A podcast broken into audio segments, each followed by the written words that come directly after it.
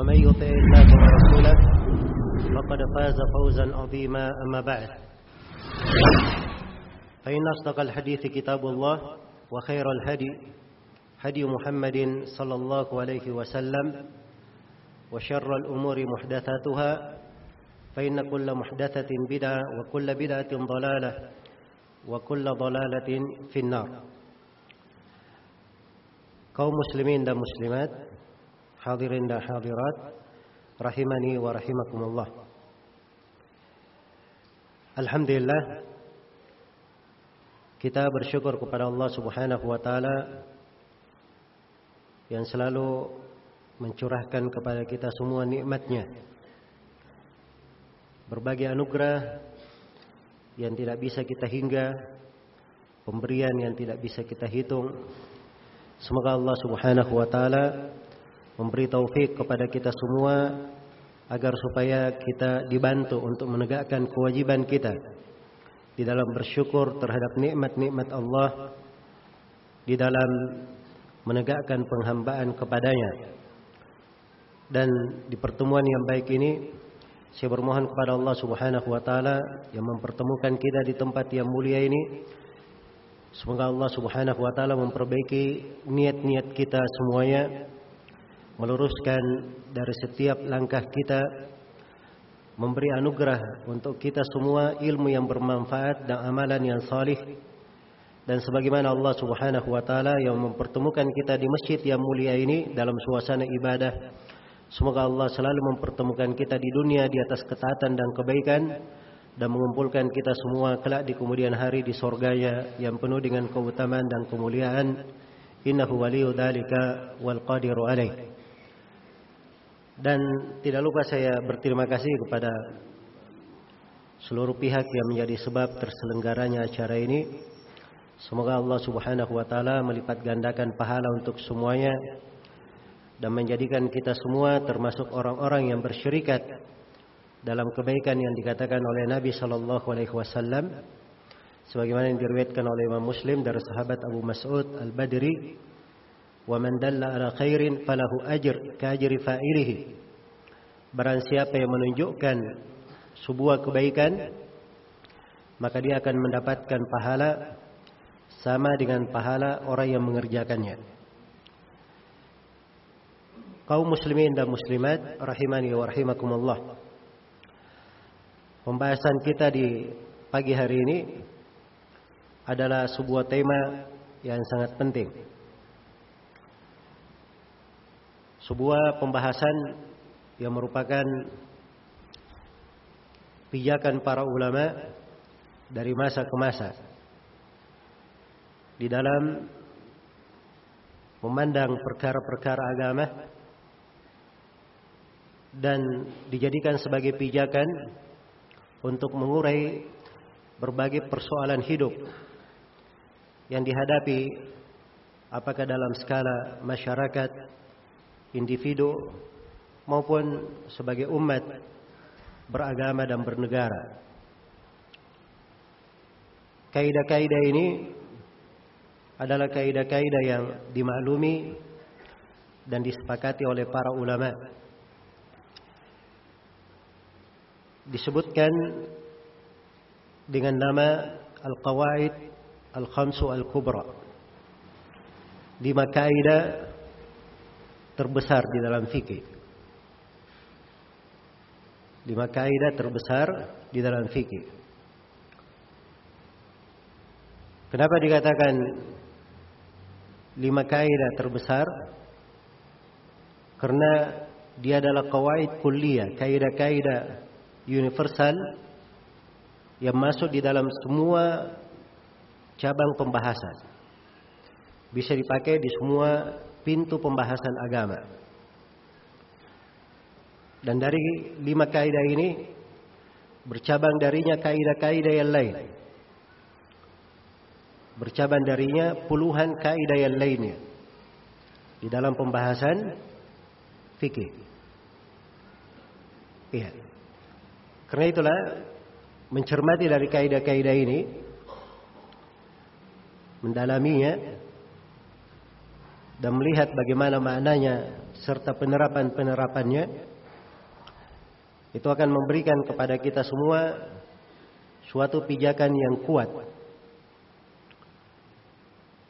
Agar supaya bisa beragama dengan baik istiqamah di atas Islam dan sunnah serta kita membangun di atasnya dari pokok-pokok darurat yang diperlukan oleh manusia berupa keamanan, ketentraman, kebahagiaan dan kebersamaan. Banyaknya umat ini yang kurang mengerti tentang kaidah-kaidah jelas seperti ini dalam agama akhirnya membuat banyak dari kehidupan umat Islam tidak terarah. Dan itu akan tampak jelas ketika terjadi ujian-ujian dan cobaan-cobaan.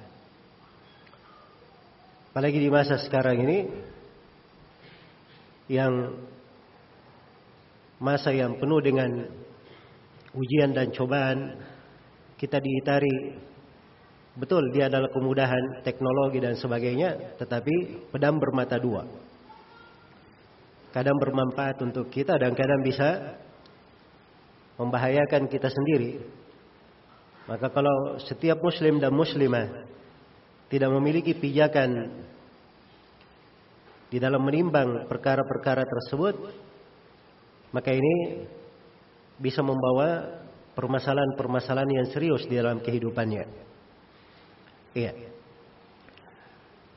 Karena itu kita perlu untuk memahami tentang kaidah-kaidah di dalam agama.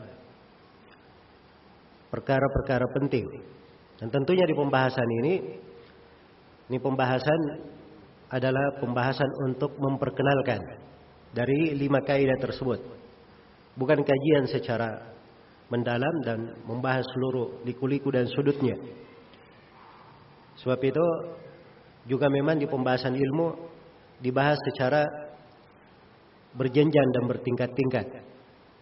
Ada jenjang untuk pemula, ada jenjang untuk orang yang pertengahan, dan ada jenjang untuk orang yang memang dia harus masuk di dalam derajat berijtihad pada hal tersebut. Dan ini kita belajar lima kaidah fikih ini bukan artinya kita mempelajarinya supaya kita keluar semuanya dari majelis ini menjadi ahli ijtihad atau menjadi syekhul Islam. Hah? Atau menjadi seorang mufti yang bisa memberi fatwa di berbagai negeri. Tidak. Tapi paling tidak seorang mengenal lima kaidah ini dia bisa tergambar. Oh rupanya begini para ulama di dalam menimbang perkara-perkara itu. Rupanya para ulama kalau dia berbicara begini itu bukan sembarangan. Ada pijakan-pijakannya. Iya. Nah ini seperti untuk kita orang-orang umum itu memberikan faedah besar sekali. Faedah besar yang merupakan salah satu dari kewajiban kita. Apa itu? Tidak boleh berbicara tanpa ilmu dalam masalah agama. Karena berbicara tanpa ilmu dalam masalah agama itu adalah dosa besar. Allah menegaskan wala taqfu ma laysa laka bihi ilm inna as-sam'a wal basara wal fuad kullu ulaika kana anhu mas'ula.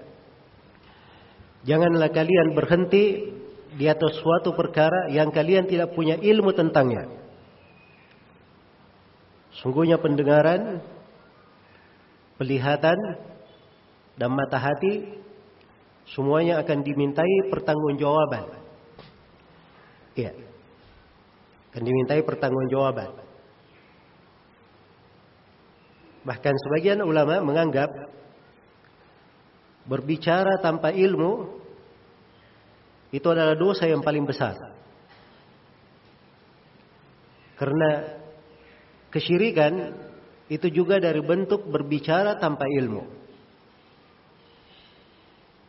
Dan ini pendapat disebutkan oleh Ibnu Al-Qayyim rahimahullahu taala dan dikuatkan oleh sejumlah ulama kita di masa ini. Termasuk Syekh Shalal Fauzan, beliau condong menguatkan pendapat ini. Karena di dalam Al-Quran dikatakan, "Faman azlamu mimman iftara 'ala Allahi kadhiban." Siapakah yang lebih zalim? Ini pertanyaan ingkari.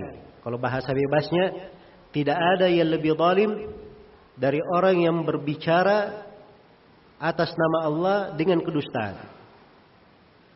Maka berbicara tanpa ilmu ini kezaliman yang paling zalim. Tidak ada yang lebih zalim darinya.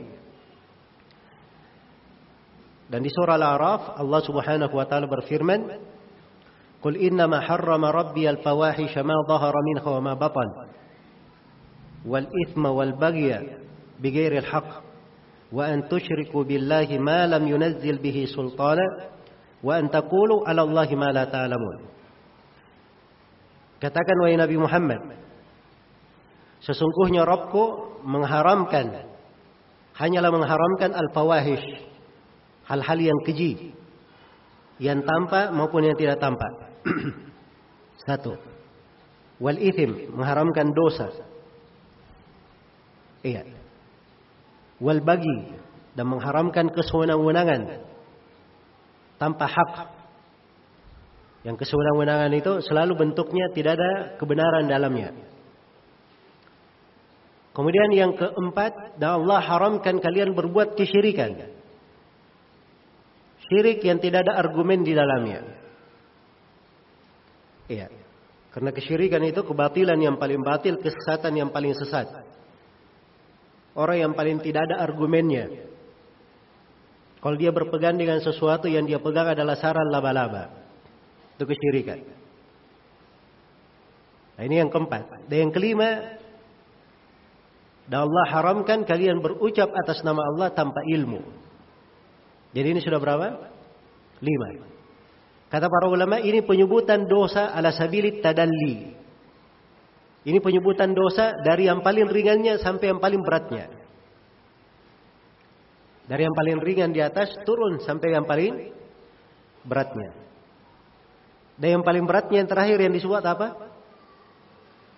Berucap atas nama Allah tanpa ilmu. Iya. Karena itu hati-hati. Ini bukan masalah sembarangan. Ini terkait dengan masalah agama. Kadang sebagian sahabat Abdurrahman ibn Abi Layla beliau bercerita bahwa beliau pernah berjumpa lebih dari atau sekitar 120 orang sahabat jadi kalau ada yang ditanya tentang masalah, dia bilang tanya kepada kawan saya. Jangan tanya ke saya. Iya. Dan ini mereka orang-orang yang berilmu. Orang-orang yang berilmu. Orang-orang yang berilmu itu tatkala dia kenal dan memiliki ilmu dia punya rasa khasyah, rasa takut. Sehingga dia tidak berbicara sembarangan. Nah, maka di antara manfaat kita mempelajari dari kaidah-kaidah seperti ini supaya kita mengenal bahwa para ulama itu ketika berbicara tentang sesuatu itu ada dasar pijakannya, ada timbangan-timbangannya. Ada timbangan-timbangannya. Kadang satu masalah itu tidak dilihat di satu sudut. Kadang dilihat dari berbagai sudut. Ada sebagian masalah ya. Kadang dia terkait dengan orang pribadi, kadang terkait dengan keluarga, ada yang terkait dengan negara, ada yang terkait dengan peradilan. Nah, ini masalah-masalah dibedakan di dalam pembahasan agama. Iya. Karena itulah mempelajari kaidah-kaidah yang merupakan pijakan di dalam ilmu itu adalah hal yang sangat penting dan sangat bermanfaat sekali bagi setiap muslim dan muslimah. Baik, saya akan menjelaskan lima kaidah di pertemuan ini yang diistilahkan oleh para ulama sebagai al-qawaidul kubra. Kaidah-kaidah yang terbesar. Al-qawaid itu jamak dari kaidah. Kaidah dalam bahasa Arab itu sudah di Indonesia kan. Disebut dengan apa? Kaidah. Ya. Kaidah itu dalam bahasa Arab itu bermana al-asas, pondasi dan dasar. Iya. Pondasi dan dasar. Ada makna lain secara bahasa, tapi yang dimaksud di sini dalam penggunaannya di pembahasan kawaid fikih dia adalah dasar dan asas. Dasar dan asas. Kalau secara istilah secara istilah yang dikatakan kaidah itu adalah qadiyatun kulliyah yahtawi ala juz'iyatiha. Adalah qadiyatun suatu permasalahan yang bersifat universal, muntabiqatun, yang bisa merata, meliputi seluruh sudut-sudut dan bagian-bagiannya. Itu yang disebut kaidah. Dan disebut kaidah. Jelas ya? Baik. Jadi kalau kaidah dia luas cakupannya. Dia bisa mencakup seluruh sudut yang terkait di dalam pembahasan tersebut. Yang terkait di dalam pembahasan tersebut. Makanya disebut sebagai kaidah. Misalnya kaidah tentang haramnya al-gharar. Al-gharar itu adalah sesuatu yang tidak jelas. Disebut kaidah, tapi kalau bahasa lebih detailnya disebut dabit. Ya.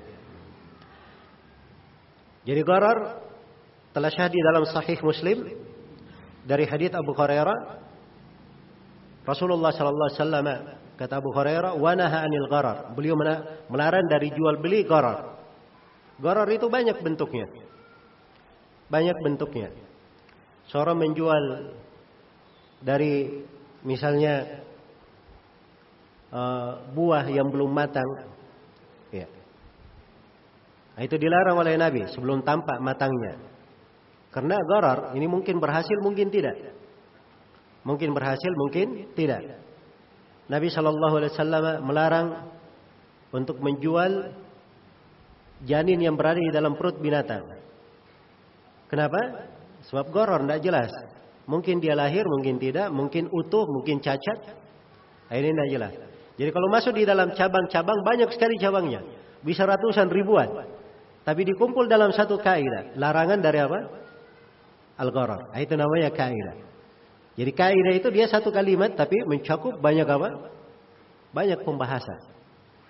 Kalau dia seperti ini kaidah kuliah yang kita akan bahas, ini bisa masuk di dalamnya seribu satu macam permasalahan, bahkan lebih daripada itu. Iya. Dan setiap kali ada masalah baru di tengah umat, bisa dikembalikan kepada lima kaidah pokok ini. Bisa dikembalikan kepada lima kaidah pokok ini. Iya. Dan banyaknya ketimpangan di dalam pemahaman. Munculnya pendapat-pendapat yang aneh. Iya.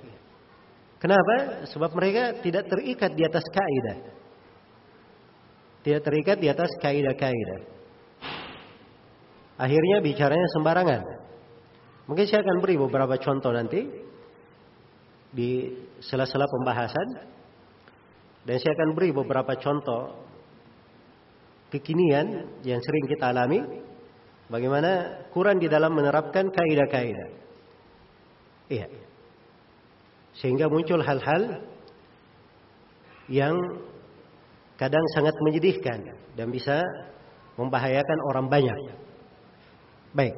Jadi di sini saya akan menerangkan dari lima al-qawaid Al-Kubra, lima kaidah besar di dalam pembahasan fikih. Jadi kalau lima kaidah ini ini dibahas oleh para ulama ya di berbagai buku. Ya.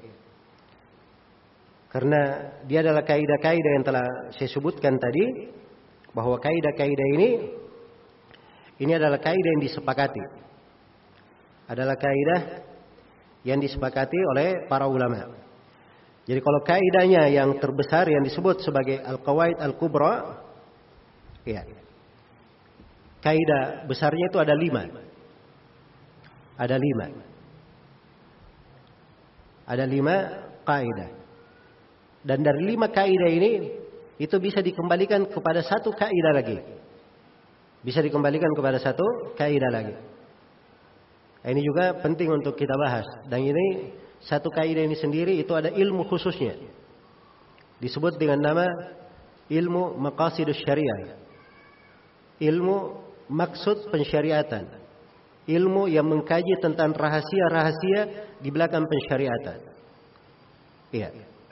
Ini cabang dari ilmu itu wajib dipelajari oleh orang yang memberi fatwa, orang yang memberi jawaban di depan manusia secara umum. Ya kalau dia mau menjawab pertanyaan di depan umum, dia harus belajar ilmu itu. So kalau dia tidak belajar ilmu tersebut atau kurang di dalam hal tersebut, pasti akan banyak ketimpangan yang muncul. Itulah sumber munculnya fatwa-fatwa aneh, keterangan-keterangan yang aneh, ya dan seterusnya. Baik. Jadi Al-Qawaidul Kubra ini itu ada berapa? Ada lima. Dibahas oleh para ulama. Iya, rahimakumullahu taala. Misalnya contoh dekat Asyuti, beliau menulis kitab judulnya Al-Ashbah wan Nadair. Di dalamnya beliau sebut lima kaidah pokok ini. Kemudian beliau terangkan 40 kaidah cabang di belakangnya. Iya. Apa yang disebut oleh Suyuti itu itu dirangkai oleh sebagian ulama dalam beberapa bait syair. Dalam beberapa bait syair. Syair-syair ini kalau kita hafalkan, maka itu akan memudahkan kita untuk memahami lima kaidah tersebut. Iya. Lima kaidah tersebut. Baik. Jadi oleh salah seorang ulama Yaman, Abu Bakar bin Abil Qasim Al-Ahdal namanya, Beliau punya manzumah namanya Al-Faraid Al-Bahiyah fi nadmi Al-Qawaid Al-Fiqhiyah. Di dalam manzumah ini beliau katakan di bab yang pertamanya tentang lima kaidah besar yang seluruh pembahasan fikih kembali kepadanya. Kata beliau al-fiqhu mabniun ala qawaidi. Al-fiqhu mabniun ala qawaid. Khamsin hiya al-umur bil maqasid. وبعدها اليقين لا يزال بالشك فاستمع لما يقال وتجلب المشقة التيسير ثالثها فكن بها خبيرا رابعها فيما يقال الضرر يزال قولا ليس فيه غرر خامسها الآلة كل محكمة فهذه الخمس جميعا محكمة ya. Kata beliau fikih itu dibangun di atas lima kaidah. Kaidah yang pertama namanya al-umur bil maqasid. Iya. Ini bahasa beliau ya, saya akan terangkan nanti. Kaidah yang pertama al-umur bi maqasidiha. Ini kaidah yang pertama. Seluruh perkara itu tergantung pada maksud dan niatnya. Itu kaidah yang pertama. Wa ba'daha kaidah yang kedua al-yaqinu la yuzalu bisyak. Hal yang meyakinkan tidaklah hilang tidak terangkat dengan keraguan. Iya. Fastami lima yuqalu. Baik ini kaidah yang kedua. Kaidah yang ketiga wa tajlibul masyaqqatu taysira. Thalithuha fakun biha khabira. Kaidah yang ketiga al-masyaqqa tajlibut taysir. Hal yang memberatkan itu akan mendatangkan kemudahan. Ini sudah kaidah keberapa? Kaidah yang ketiga. Dan kaidah yang keempat, rabi'uha fi ma yuqalu darar. Yuzalu qawlan laysa fihi darar. Dan kaidah yang keempat, ad-darar yuzal. Hal yang membahayakan itu harus dihilangkan. Hal yang membahayakan harus dihilangkan. Dan kaidah yang kelima, khamisuhal adatu kul muhkama, muhakkama. Kaidah yang kelima, al-ada muhakkama. Kebiasaan itu bisa menjadi patokan hukum. Bisa menjadi patokan hukum. Baik, jadi ini lima kaidah besar. Lima kaidah besar. Iya. Hanya saja seperti yang saya katakan tadi, lima kaidah ini oleh sebagian ulama seperti Al-Iz bin Abdus Salam beliau mengembalikannya kepada satu kaidah saya yang merupakan kaidah yang mencakup seluruh sendi pembahasan agama. Iya. Kaidah ini yaitu i'tibar al-masalih wal mafasid. Al-i'tibar lil masalih wal mafasid. Iya, jalbul masalih wa dar'il mafasid. Ini yang mereka katakan sebagai kaidah kuliah, kaidah pokok universal mencakup seluruh pembahasan agama. Baik. Jadi kesimpulannya tadi ada berapa kaidah yang kita akan kaji? Ada lima kaidah. Ada lima kaidah yang akan kita kaji pada pembahasan ini. Baik. Jadi kaidah yang pertama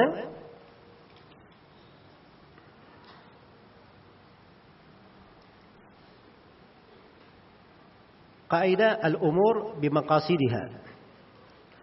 Perkara-perkara itu tergantung pada apa? Pada maksudnya, tergantung pada niatnya. Ya. Baik.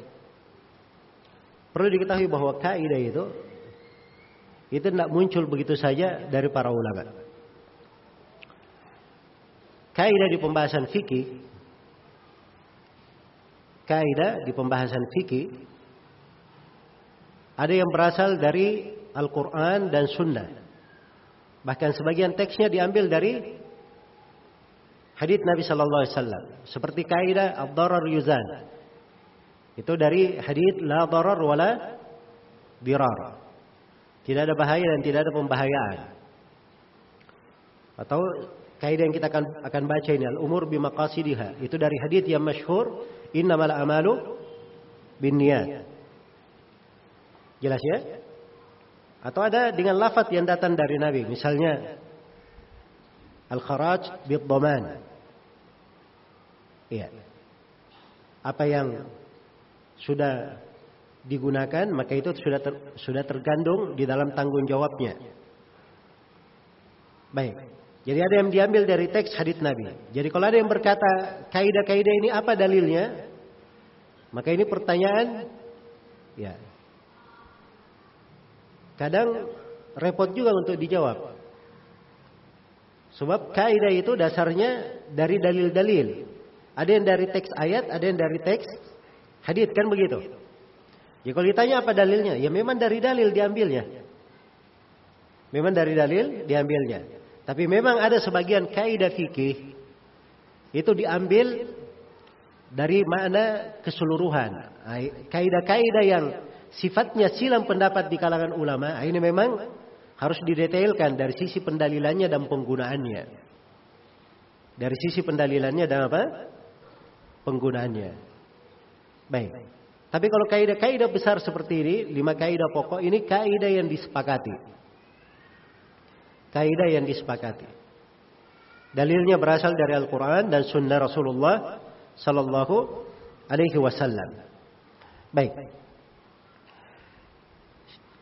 Apa dalil kaidah ini? Al-umur bimaqasiduha. Al-umur bimaqasidiha. Di antara dalilnya adalah firman Allah Subhanahu wa taala di surah An-Nahl ayat 106. Man kafara billahi min ba'di imanihi illa man ukriha wa qalbuhu mutmainnun bil iman. Iya. Walakin man syaraha bil kufri sadran fa alaihim ghadabun min Allah walahum adzabun azim. Allah berfirman, siapa yang kafir kepada Allah setelah dia beriman. Nah, ini orang-orang yang diancam. Kafir kepada Allah setelah beriman. Kecuali siapa yang dipaksa. Nah, kalau dia dipaksa itu nggak ada masalah. Nah, ini ayat turun berkaitan dengan kejadian yang menimpa sahabat mulia Ammar bin Yasir. Iya. Jadi ayahnya, ibunya, Ammarnya disiksa. Dipaksa untuk berucap kekafiran. Iya. Yasir sudah meninggal. Ibunya Sumayyah juga sudah meninggal, disiksa. Ammar kalau tidak mengucapkan kalimat kekafiran juga akan dibunuh. Maka Ammar pun terdesak mengucapkannya. Iya, tapi hatinya tenang dengan apa? Keimanan. Nah, ini yang disebut dalam ayat. Orang yang dipaksa tetapi hatinya tenang dengan apa? Keimanan. Yang menjadi masalah itu walakin man syaraha bil kufri sadaran. Siapa yang dadanya itu lapang menerima kekafiran, nah, itu yang dipermasalahkan. Nah, ini menunjukkan bahwa apa yang ada di dalam niat itu berpengaruh sekali. Apa yang berada di dalam hatinya punya timbangannya di dalam syariat. Iya. Bayangkan ya berbeda antara dua hal. Antara Ammar bin Yasir yang mengucapkan hal itu ya. Dan antara sebagian kaum munafikin, ada sebagian kaum munafikin dia berucap. Apa itu para qurra kita? Maksudnya para qurra itu para sahabat yang ahli qiraah, ahlul ilm. Mereka ini cuma mementingkan perutnya untuk dia kenyangkan. Paling penakut kalau ketemu musuh. Mereka berucap kalimat-kalimat seperti itu tentang sahabat. Apa yang terjadi? Turun ayat. Qul abillahi wa ayatihi wa rasulihi kuntum tahtah kuntum tastahzi'un la ta'tadiru faqad kafartum ba'da imanikum. Apakah terhadap Allah, terhadap ayat-ayatnya, terhadap rasulnya engkau melok-olok? Jangan kamu minta maaf. Kamu telah kafir setelah kalian beriman. Ya. Jadi jangan dia datang setelah itu, oh maaf, saya salah ucap. Saya tidak memaksudkan. Tidak ada kondisi yang mengitari dia yang menunjukkan hal tersebut. Dan hukum itu diterima zahirnya. Ya. Kalau setiap orang yang berucap kekafiran, menghina agama, lalu setelah itu dia datang, maaf, saya minta maaf, salah ngomong. Ya. Dimaafkan yang seperti ini, akan rusak agama itu. Karena itu tidak ada ketentuan dalam Islam terhadap orang-orang yang menistakan agama seperti itu. Kecuali harus dijatuhkan hukum pengadilan padanya. Iya. Agar supaya seorang tidak melanggar di dalam aturan-aturan agama. Jelas ya? Jadi kalau dia berkata itu saya apa namanya? Saya salah ucap. Maksud saya tidak seperti itu. Ya. Maka semua orang akan berkilah dengan gaya yang seperti itu.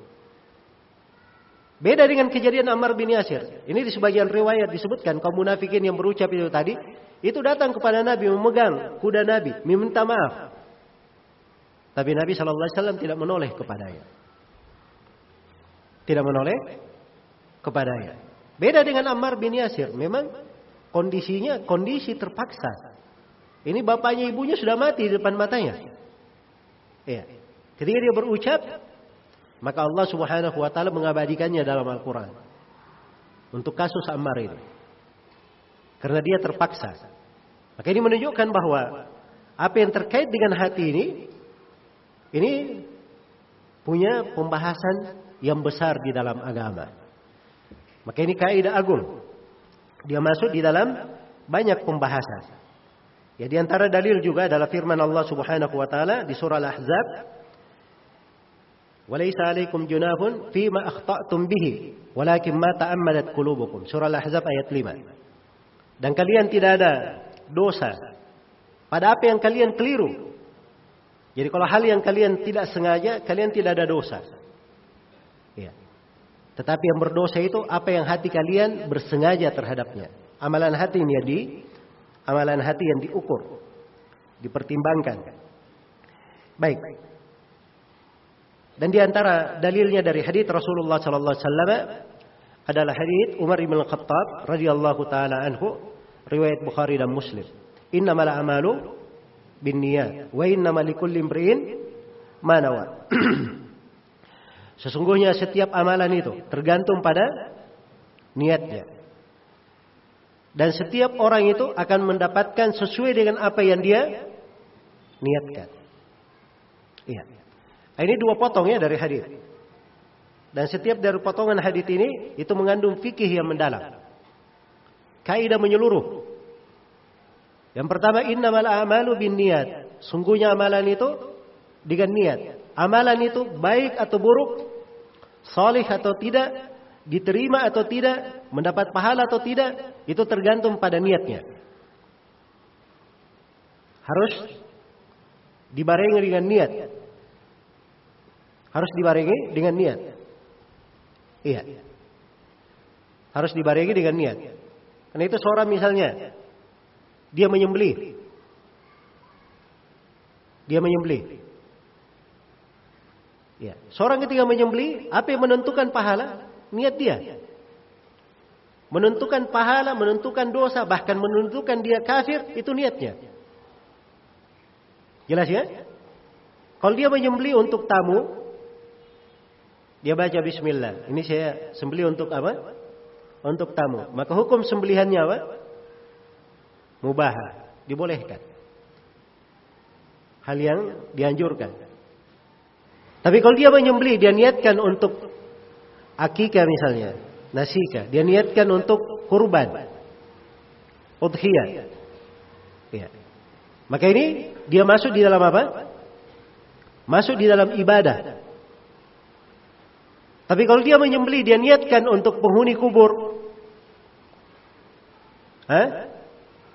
Dia niatkan untuk tempat-tempat yang dikeramatkan jin dan demit misalnya. Maka ini masuk di dalam kesyirikan. Masuk di dalam apa? Kesyirikan. Jadi perhatikan satu amalan tapi bisa beraneka ragam hukumnya. Tergantung pada pada niatnya. Karena itu amalan digantung dengan niat. Digantung dengan niatnya. Ya. Wa inna malikul limri'in manawa. Dan setiap orang itu mendapatkan apa yang dia niatkan. Mendapatkan sesuai dengan apa yang dia niatkan. Kalau di malam hari misalnya, ya. Di malam hari seorang itu kebiasaannya kalau sudah habis isya capek dia tidur. Tidur ini apa? Ibadah atau kebiasaan? Kebiasaan. Dia tidur tidak ada niat ibadah, sudah, tidur aja dia dapat. Dia tidak dapat apa-apa. Jelas ya? Tapi kalau tidurnya ini, dia niatkan ibadah, ah, itu bisa berpahala. Saya tidur cepat, saya niatkan supaya saya beri hak badan saya, dia beristirahat. Saya tidur cepat, saya niatkan agar supaya saya bisa bangun sholat malam. Iya. Nah, ini kata Nabi, wa inna likulli imri'in manawa. Setiap orang mendapatkan sesuai dengan apa yang dia dia niatkan. Sesuai dengan apa yang dia niatkan. Karena itu peranan niat sangat penting sekali. Peranan niat sangat penting di dalam ibadah. Iya. Baik, ini di antara dalil-dalil ya yang menunjukkan tentang bagaimana kaidah besar ini. Itu hadis Rasulullah sallallahu alaihi wasallam. Saya beri hadis yang lain diriwayatkan oleh Imam Al-Bukhari dan Imam Muslim dari Abu Musa Al-Asy'ari radhiyallahu taala anhu. Datang seorang lelaki kepada Nabi sallallahu alaihi wasallam. Dia berkata, "Ar-rajulu yuqatalu atau yuqatilu lil magnam." Ada seorang lelaki yang dia berperang untuk mendapatkan ghanimah, harta rampasan perang. Warrajulu yuqatilu lidzikir. Ada lagi yang berperang agar supaya penyebutannya itu terkenal, tenar di tengah manusia. Warrajulu yuqatilu ya. Liuriya makana. Dan seorang itu ada yang berperang supaya orang tahu kedudukan dia. Ya, saya ini bukan orang sembarangan. Wa yuqatilu riya'an. Dan ada orang lain lagi yang berperang Ria ingin dilihat oleh manusia. Ayu dalika fi sabilillah. Maka Nabi sallallahu alaihi wasallam ditanya, siapa di antara mereka yang fi sabilillah? Maka Nabi sallallahu alaihi wasallam bersabda, memberikan kaidah. Man qatala litakuna kalimatullahi hiyal ulya fahuwa fi sabilillah. Barang siapa yang berperang agar supaya kalimat Allah yang paling tinggi maka dialah yang fi sabilillah. Maka dialah yang fi sabilillah. Jadi perhatikan. Kembali kepada niat. Ya. Mungkin begitu berperang, semuanya hadir berperang semuanya. Tapi niatnya yang membedakan. Niatnya yang membedakan. Karena itu Nabi pernah cerita di dalam hadis riwayat Bukhari dan Muslim, salah satu kejadian di akhir zaman. Ada satu pasukan yang ingin menyerang Ka'bah. Maka pasukan ini dia berjalan. Di tengah jalan ada musafir, ada orang yang lewat, ikut bersama pasukan. Daripada saya jalan sendiri, mending saya ikut. Ya. Nah, begitu sampai ke tempat yang bernama Beda, maka rombongan ini dari awal hingga akhirnya ditenggelamkan ke dalam tanah. Maka Aisyah bertanya, ya Rasulullah, bukankah di situ ada orang yang terpaksa, ada orang yang ikut-ikutan dalam rombongan? Kata Nabi sallallahu alaihi wasallam, "Yub'atsuna yaumal qiyamah ala niyatihim." Mereka akan dibangkitkan pada hari kiamat sesuai dengan niatnya masing-masing. Jadi perhatikan. Yang membedakan derajatnya hanya di dalam masalah apa? Di dalam masalah niat saya. Iya. Di dalam masalah niat. Seorang kepala rumah tangga, dia bekerja. Ya, mencari nafkah untuk anak dan istrinya. Ini hal yang merupakan kebiasaan. Tapi kalau dia hadirkan niat-niat ibadah di dalamnya. Pertama dia menunaikan tanggung jawabnya sebagai kepala rumah tangga. Ya. Kemudian dia punya dia lakukan hal tersebut ikhlas karena Allah. Ya. Karena itu di dalam hadis Sa'ad bin Abi Waqqas Rasulullah sallallahu alaihi wasallam bersabda, "Innaka lan tunfiqa nafaqatan tabtagi bihi tabtagi biha wajah Allah illa ujirta alaiha hatta ma taj'aluhu fi fimra'atik. Sungguhnya engkau wahai saat tidaklah engkau berinfak dengan sesuatu yang kamu berharap wajah Allah di dalamnya, maka pasti kamu dapat pahala. Sampai makanan yang kamu suapkan ke mulut istrimu. Bisa bernilai apa? Bernilai pahala. Cuma hati-hati. Kita ini kadang ya, kehidupan berjalan saja, Ya namanya saya kerja tiap hari pulang, lihat anak dan istri, ya. Ada penghasilan bulanan, saya bagi, saya berikan tanggung jawab. Tapi kadang dia tidak menghadirkan dari keikhlasan, dari ibadah. Padahal yang di hati ini menentukan apa? Menentukan pahala. Menentukan pahala. Baik. Jadi secara umum ini dalil-dalil untuk kaidah yang agung ini. Dalil-dalil untuk kaidah yang agung ini. Al-umur bimaqasidiha. Maka dari sini sudah bisa tergambar ya apa maksud dari kaidah. Al-umur al-umur artinya perkara-perkara. Hal-hal. Ya, al-umur jamak dari amr. Bimaqasidiha. Tergantung pada maksudnya.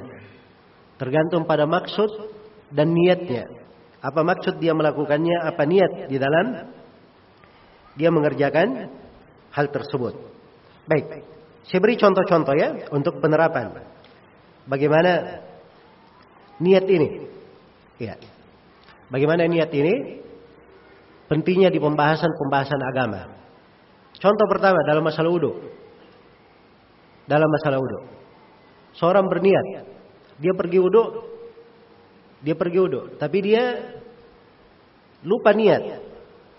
Apa kewudunya syah? Ya, di kalangan mayoritas ulama tidak dianggap syah. Kenapa? Karena tidak ada niat. Sedangkan ini adalah ibadah dan ibadah harus disertai dengan dengan niat.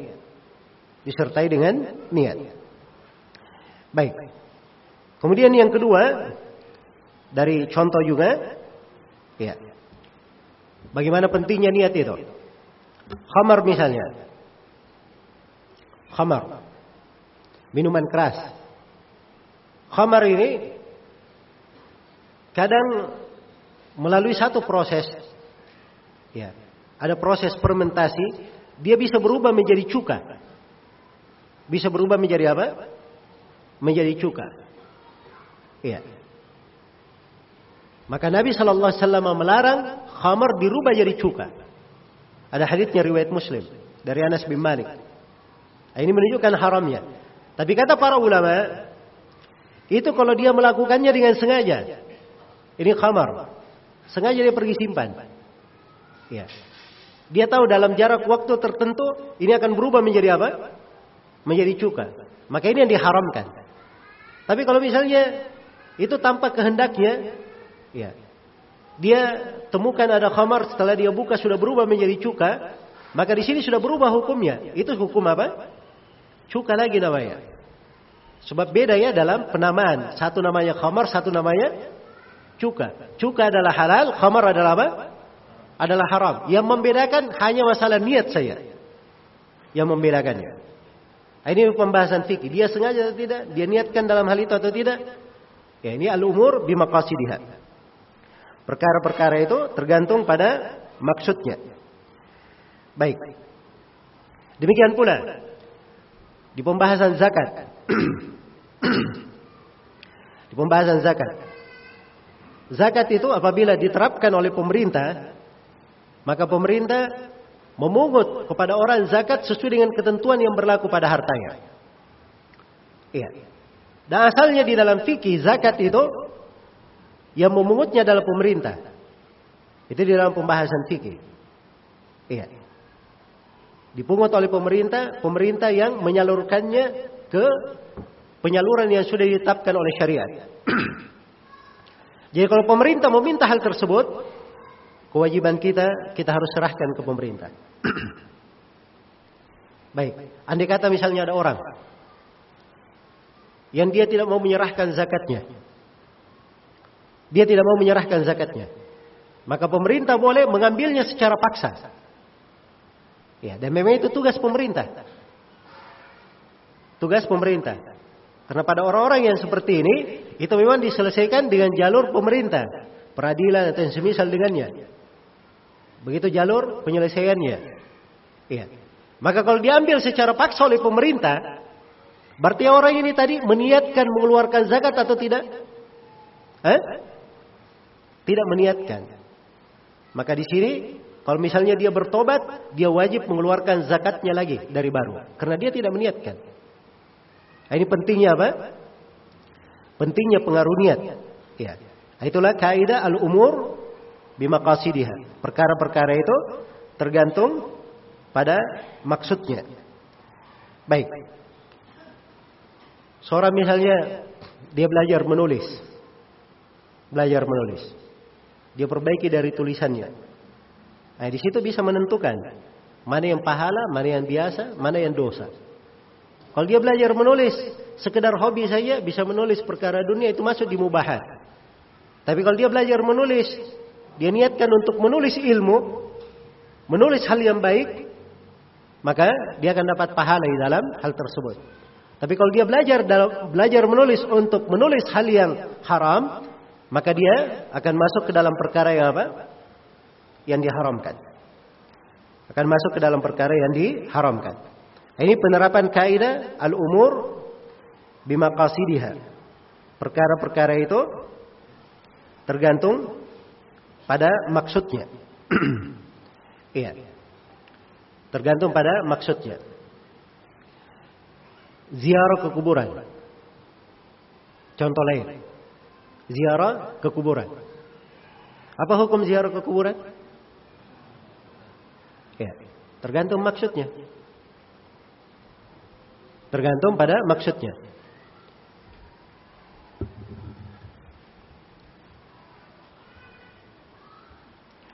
Baik. Jadi kalau dia ziarah ke kuburan, maksudnya berziarah adalah mengingat Allah dan mengingat hari akhirat, mengingat kematian, maka ini adalah hal yang apa? Hal yang dianjurkan diriwayatkan oleh Imam Muslim ya dari hadits Buraidah bin Al-Husaid radhiyallahu anhu Rasulullah sallallahu alaihi wasallam bersabda kuntu nahaitukum an ziyaratil kubur fazuruha fa innaha tudakkirukumul akhirah dulu saya melarang kalian berziarah ke kuburan. Maka sekarang berziarahlah kalian ke kuburan. Karena ziarah ke kuburan itu mengingatkan kalian akan akhirat. Mengingatkan kalian akan akhirat. Tapi kalau dia ziarah ke kuburan untuk minta hajatnya ke penghuni kubur atau ziarah ke kuburan untuk bertabarruk dengan kuburan, ini masuk di dalam perkara yang diharamkan. Masuk di dalam perkara kesyirikan. Jelas ya? Jadi yang membedakan adalah apa? Adalah niat di dalam hal tersebut. Ini al-umur bimaqasidiha. Al-umur bimaqasidiha. Baik. Kemudian di antara contoh lain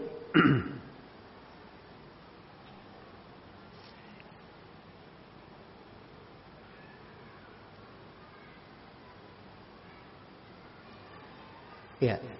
Contoh yang lain ini di pembahasan peradilan di masalah kisah. Orang yang membunuh. Orang yang membunuh. Mayoritas ulama di pembahasan kisah itu membagi pembunuhan menjadi tiga. Ada pembunuhan namanya sengaja, ada yang mirip sengaja, dan ada yang tidak sengaja.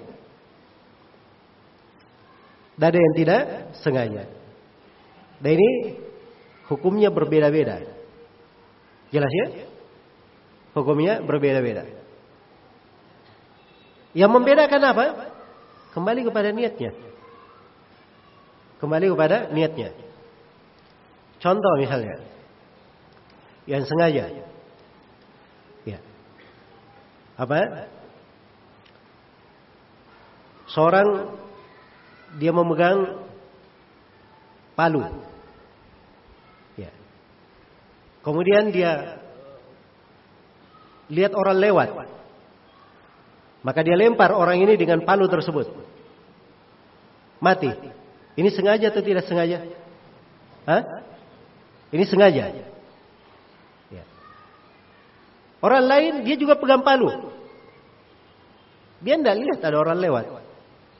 Dia palu ke atas, tiba-tiba dia gunakan palu ini, tidak sengaja palunya jatuh, kena orang lewat mati. Nah, ini apa? Ini namanya tidak sengaja. Ya. Baik, yang mirip sengaja itu kayak bagaimana? Nah, ini orang-orang Maliki tidak menghitung ya mirip sengaja. Karena tadi saya bilang mayoritas ulama. Bagi orang-orang Maliki ya tidak. Masuk ke sengaja semuanya. Ya. Baik. Yang mirip sengaja itu dia pakai rotan.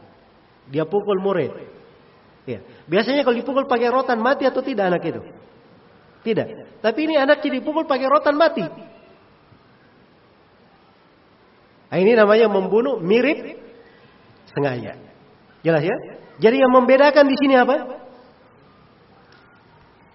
Kembali ke mana? Ke niat dia. Itu al-umur bimaqasidiha. Ada yang hukumnya kena kisos, dia dibunuh juga. Ya. Ada yang hukumnya dia bayar dia sambil puasa, ada yang hukumnya dia puasa saja. Jelas. Nah, itu yang membedakan niatnya di dalam hal tersebut. Ya. Baik, ini al-umur bimaqasidiha. Baik. Sama di dalam masalah apa namanya? Di dalam masalah sebagian sistem pemerintahan. Iya. Nah, ini kalau sudah masuk ke dalam pembahasan wilayah. Pembahasan wilayah itu orang yang memegang wilayah. Apakah wilayah kecil, mau wilayah kecil, wilayah khusus maupun wilayah umum, itu pasti ada keutamaan di atas yang lainnya. Karena itu kepala rumah tangga, dia lebih dia yang paling utama di dalam rumah tangganya, kepala rumah tangga. Ya.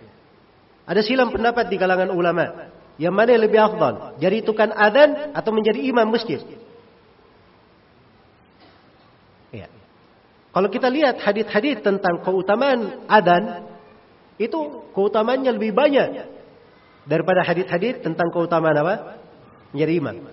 Tapi subhanallah mayoritas ulama menguatkan menjadi imam masjid itu lebih apa? Lebih utama. Ya, karena ada bentuk wilayah di situ. Kalau dia berbuat baik, banyak sekali kebaikan yang dia dapatkan. Sama kalau dia pegang wilayah umum. Ya. Apakah wilayah umum seperti kepala negara atau siapa yang ditunjuk oleh kepala negara? Siapa yang ditunjuk oleh kepala negara? Iya. Maka di dalam hal tersebut ada pahala, tergantung pada apa? Pada niatnya. Al-umur bimaqasidiha. Perkara-perkara itu sesuai dengan apa? Sesuai dengan maksudnya. Karena itu Nabi sallallahu alaihi wasallam bersabda, "Inna Allah la yanzuru ila suwarikum wala ila amwalikum." Dalam surah wala ila ajsadikum, walakin yanzuru ila qulubikum wa amalikum. Sungguhnya Allah tidak melihat kepada bentuk-bentuk kalian, rupa-rupa kalian, tidak melihat kepada harta-harta kalian, tapi Allah Subhanahu wa taala melihat kepada hati-hati dan amalan-amalan kalian. Itu yang dilihat dan diperhatikan. Baik. Dan dari kaidah ini, ya kalau kita bahas tentang contoh-contoh penerapan kaidah, ya banyak sekali ya contohnya. Ya. Banyak sekali dari contoh penerapan kaidah ini. Dan bagaimana pengaruh niat tersebut. Tapi saya tutup di ini dengan satu contoh juga. Nabi sallallahu alaihi wasallam pernah bersabda dalam hadis Abu Bakrah riwayat Bukhari dan Muslim. "Idza taqal muslimani bi sayfayhima fal qatil wal maqtul finnar." Apabila ada dua orang muslim berjumpa dengan membawa pedangnya, maka yang membunuh dan dibunuh dua-duanya di dalam neraka. Para sahabat bertanya, ya Rasulullah, yang membunuh wajar. Dalam neraka dia membunuh. Terus yang dibunuh ini kok bisa masuk ke neraka? Kata Nabi sallallahu alaihi wasallam, "Innahu kana harisan ala qatli sahibihi." Sesungguhnya orang ini tadinya dia sudah semangat untuk membunuh lawannya. Ya, tapi pas dia Kalah saja. Andai kata dia menang, siapa yang membunuh? Dia yang membunuh. Maka dihukumi oleh Nabi sesuai dengan apa? Niatnya. Yang membunuh dan dibunuh, dua-duanya dalam neraka. Dua-duanya dalam neraka. Baik. Jadi ini kaidah. Ya, disebut dengan kaidah kuliah. Masuk di dalam banyak pembahasan dari pembahasan-pembahasan agama. Ya. Dan bercabang dari kaidah ini berbagai kaidah yang lainnya. Seperti misalnya kaidah la thawaba illa biniyah. Tidak ada pahala kecuali dengan niat. Nah, ini dibangun di atas kaidah ini juga. Atau seperti kaidah misalnya al-ibratu fil uquti bil maqasid wal ma'ani la bil alfat wal mabani. Ya. Ada kaidah yang berbunyi bahwa yang menjadi ukuran di dalam akad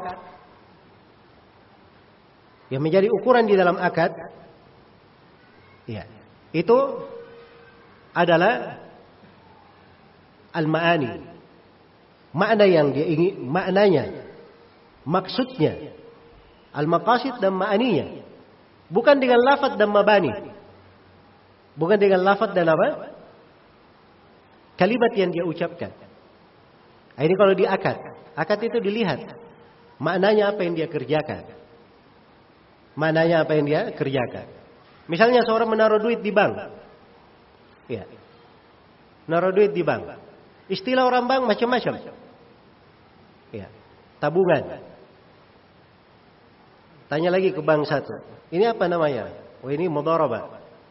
Tanya lagi bank yang satu. Ini apa namanya? Ah, ini wadiah. Tanya lagi bang yang satu, ini apa namanya? Ini murabahah. Ya heran juga, saya, saya pernah tanya juga pegawai bank itu. Baik ini wadiah. Hah? Wadiah itu saya titip. Berarti anda tidak boleh gunakan. Ya. Terus saya tanya, saya dapat keuntungan tahunan? Iya dapat. Loh kok bagaimana caranya? Saya kan nitip, kok dikasih keuntungan? Berarti bukan wadiah namanya.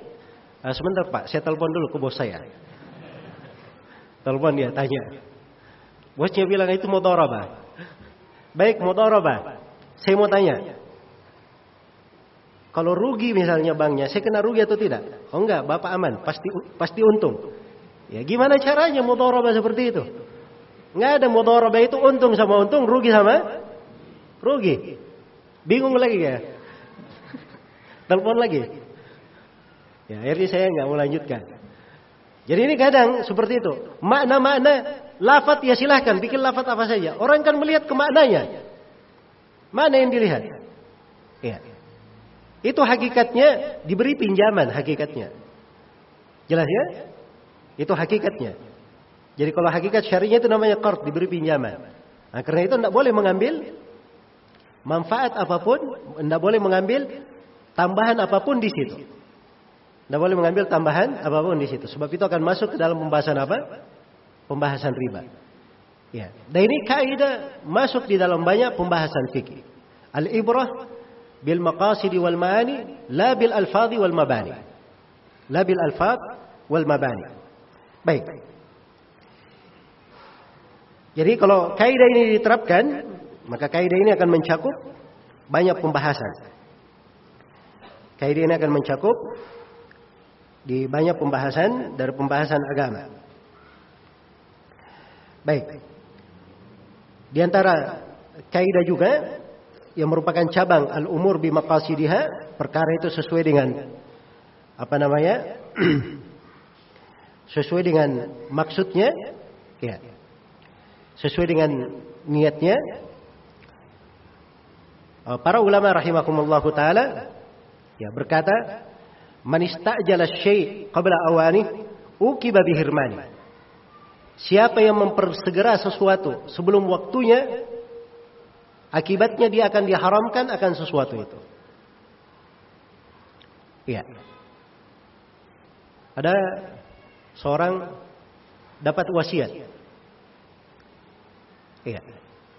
Si A misalnya berwasiat kepada si B. Si B, kalau kamu, kalau saya meninggal, maka sepertiga dari harta saya adalah milik kamu. Wasiat A kepada si B. Si B nunggu ini si A lama banget meninggalnya. Ya. Maka si B membunuh si A. Nah, maka hukum syar'i kalau seperti ini dia persegera sesuatu sebelum waktunya. Akibatnya dia apa? Haram, tidak boleh mengambil sesuatu itu. Jelas ya? Contoh lain. Ini kembali kepada niat dia. Niatnya. Ini cabangnya dari kaidah. Cabang dari kaidah. Contoh lain. Ada seorang punya dua istri. Ya. Begitu dia terasa sakit, maka salah seorang dari istrinya dia ceraikan. Kenapa?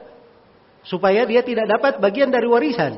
Kalau dia meninggal dalam status istri, maka akan apa? harta terbagi menjadi dia dapat warisan juga. Diceraikan untuk dia apa? Supaya diharamkan dari warisan. Maka ini walaupun dia ceraikan di dalam hukum Islam tetap dia dapat bagian dari warisan. Tetap dia dapat apa?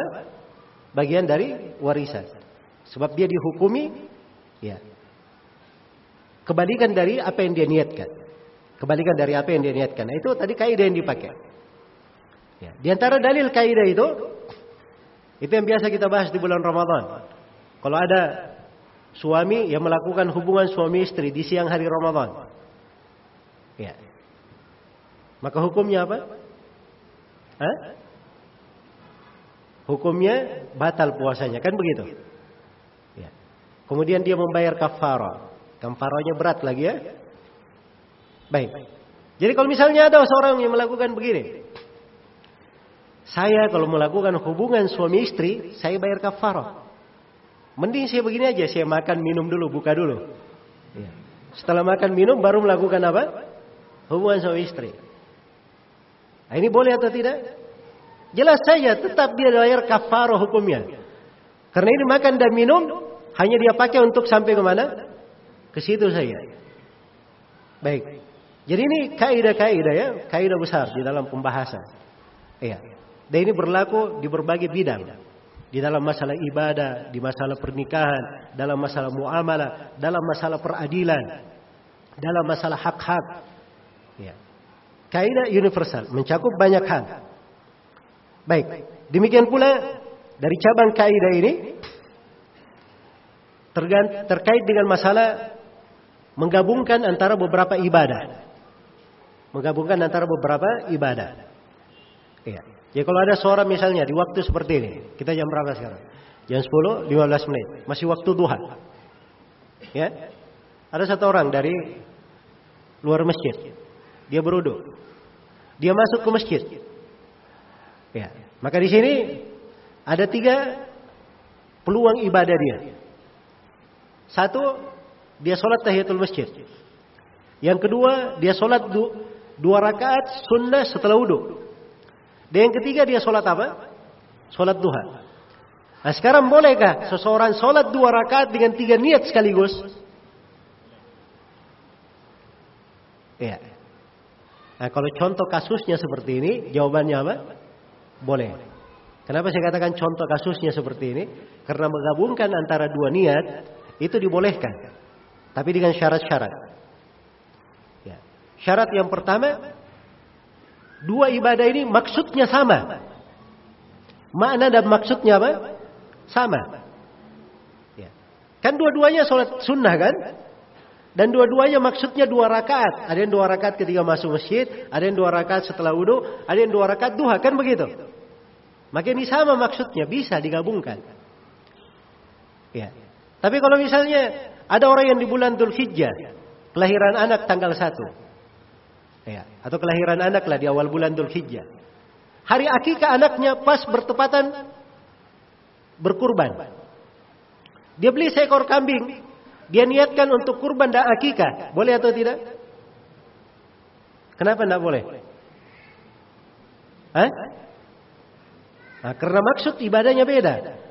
Ya. Akikah itu itu syariat tersendiri, ada makosidnya, ada maksud di belakang syariatnya. Sebagaimana kurban itu dia punya maksud pensyariatan sendiri. Ini berbeda, tidak bisa diapa? Tidak bisa digabungkan. Jelas ya? Baik. Apa dalilnya boleh menggabungkan? Ya kembali lagi ke hadis innamal a'malu binniyat. Dan sebagian ulama yang berdalilkan dengan hadis Abu Hurairah riwayat Bukhari dan Muslim, "Man igtasala yaumal jum'ah guslal janabah."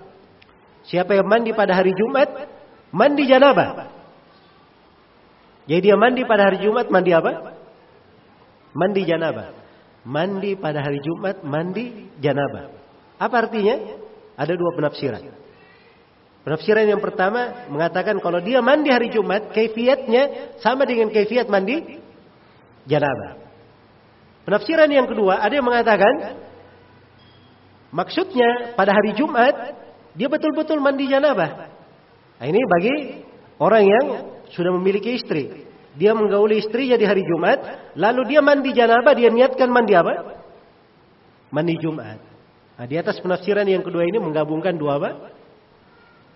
Dua bentuk ibadah. Karena mandi janabah ibadah dan mandi Jumat juga adalah apa? Adalah ibadah. Baik. Senin Kamis. Senin Kamis. Berdepatan dengan hari Arafah. Dia niatkan Hari Arafah atau Senin Kamis, boleh atau tidak? Boleh sebab ini jenisnya sama. Baik. Jadi ini masuk di dalam al-umur bimaqasidiha. Ini cabangnya dari kaidah al-umur bimaqasidiha. Perkara-perkara itu tergantung pada maksudnya. Baik, selesai kaidah yang pertama. Ya. Kaidah yang kedua. Saya tidak terlalu banyak meluas ya di dalam apa namanya eh, menguraikan seluruh cabang kaidah ini. Karena maksud kita adalah menerangkan pentingnya kaidah-kaidah ini. Iya. Dan memberikan gambaran umum bagaimana kaidah ini. Baik, kaidah yang kedua, al-yakinu la yazulu bisyak. Keyakinan itu tidaklah hilang dengan apa? Dengan keraguan. Baik. Dalil tentang kaidah ini diriwayatkan oleh Al-Imam Al-Bukhari dan Imam Muslim dari Abdullah bin Zaid radhiyallahu taala. Beliau berkata, "Syukiya ila Nabi sallallahu alaihi wasallam ar-rajulu yukhayyalu ilayhi annahu yajidu syai'a fi shalah." Faqala la yansarif hatta yasma'a sautan aw yajida rihan. Kata Nabi sallallahu alaihi wasallam, diadukan kepada Nabi atau kata Abdullah bin, bin Zaid diadukan kepada Nabi sallallahu alaihi wasallam seorang lelaki Lelaki ini dihayalkan pada dirinya ada sesuatu di perutnya pada saat dia sholat. Maka apa kata Nabi? La yansarif, jangan dia tinggalkan solatnya. Hatta yasma'a sautan, sampai dia mendengar suara awiyaji darihan atau dia mencium bau. Ya, ini dalil tentang wajibnya dia yakin. Dia sekarang di posisi sholat. Ya. Sudah ber, dalam keadaan beruduk, bertahara di posisi sholat. Dia ragu, keluar sesuatu dari perutnya atau tidak. Berarti yakinnya adalah dia di atas tahara. Syah untuk sholat. Yang diragukan apa?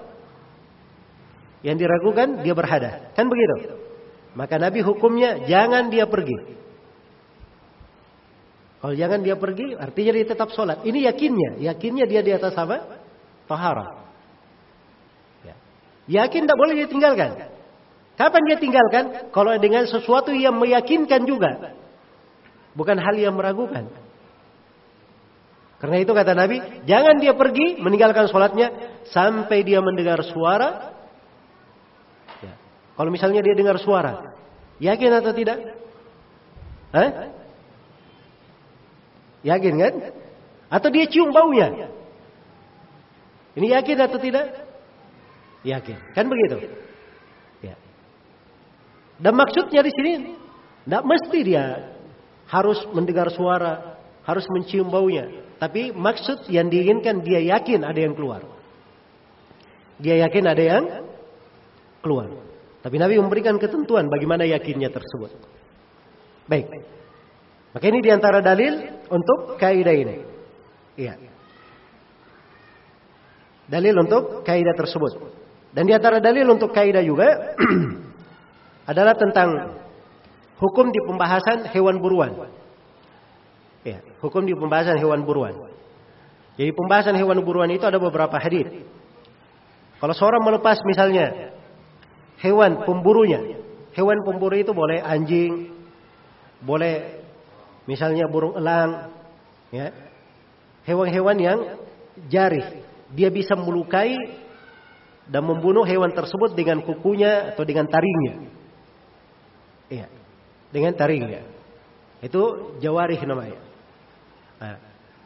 Hukum misalnya kalau dia lepas misalnya burung elangnya atau dia lepas misalnya anjingnya. Terus diketemukan anjing ini di dekat hewan buruan sudah mati. Tapi ternyata ada anjing lain di situ. Ada anjing lain di situ. Iya. Maka ini hukumnya apa? Hewan buruannya. Hukumnya tidak boleh dimakan.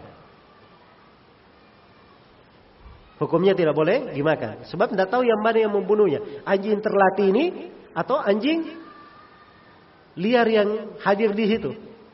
Tidak diketahui yang mana yang membunuhnya. Jelas ya? Makanya dalam hal yang seperti itu asalnya hewan itu dia belum disembelih kan asalnya begitu dia meyakinkan. Jadi kalau dia yakin ini yang membunuh, nah itu baru yakin namanya. Begitu ada anjing lain, eh, ini namanya meragukan. Nah, maka ini kaidah al yakin la yazulu bisyak. Keyakinan itu tidaklah hilang dengan apa? Tidak bisa dihilangkan dengan keraguan. Baik. Yakin artinya dia tetap di atas suatu. Itu namanya yakin. Iya, yakin itu lawan daripada ragu. Ya, jadi kalau dia mantap sesuatu itu, itu namanya yakin. Kalau dia bimbang, kebimbangan itu dua, ada beberapa macam. Ada kebimbangan yang dia punya dugaan besar. Nah, dugaan besar ini, ini bisa masuk ke yakin juga. Ya. Ada kebimbangan dia tidak bisa menentukan mana yang kuat, mana yang yang benar. Maka ini namanya ragu. Iya, ini namanya ragu. Dada dia bimbang antara A dan B, tapi kemungkinan si A itu sangat lemah sekali. Ini namanya waham. Ini masuk juga di ragu, tidak bisa menghilangkan keyakinan. Iya. Karena itu kalau misalnya orang ragu, di dalam hadis riwayat Bukhari dan Muslim, dia ragu. Apakah dia sholat sudah tiga rakaat atau empat rakaat? Maka dia ambil yang mana? Hah? Tiga atau empat? Kenapa tiga? Karena yang meyakinkan adalah apa? Tiga. Yang meragukan adalah empat. Maka diambil yang meyakinkannya. Sama kalau dia tawaf di Ka'bah. Tawaf di Ka'bah berapa kali? Tujuh putaran kan? Di putaran yang kelima dia ragu. Ini sudah kelima atau keenam? Dia ragu. Tidak bisa menentukan. Berarti yang dia pegang itu putaran yang keberapa? Putaran yang kelima, sebab itu yang meyakinkan. Sama di sa'i. Ya. Sa'i dia ragu. Ini sudah putaran keempat atau putaran keenam. Kenapa saya bilang empat dan enam? Ya, sebab keraguan di situ. Kalau empat lima kan orang bisa tentukan, dia lihat aja. Ya, ini sofa marwah kan?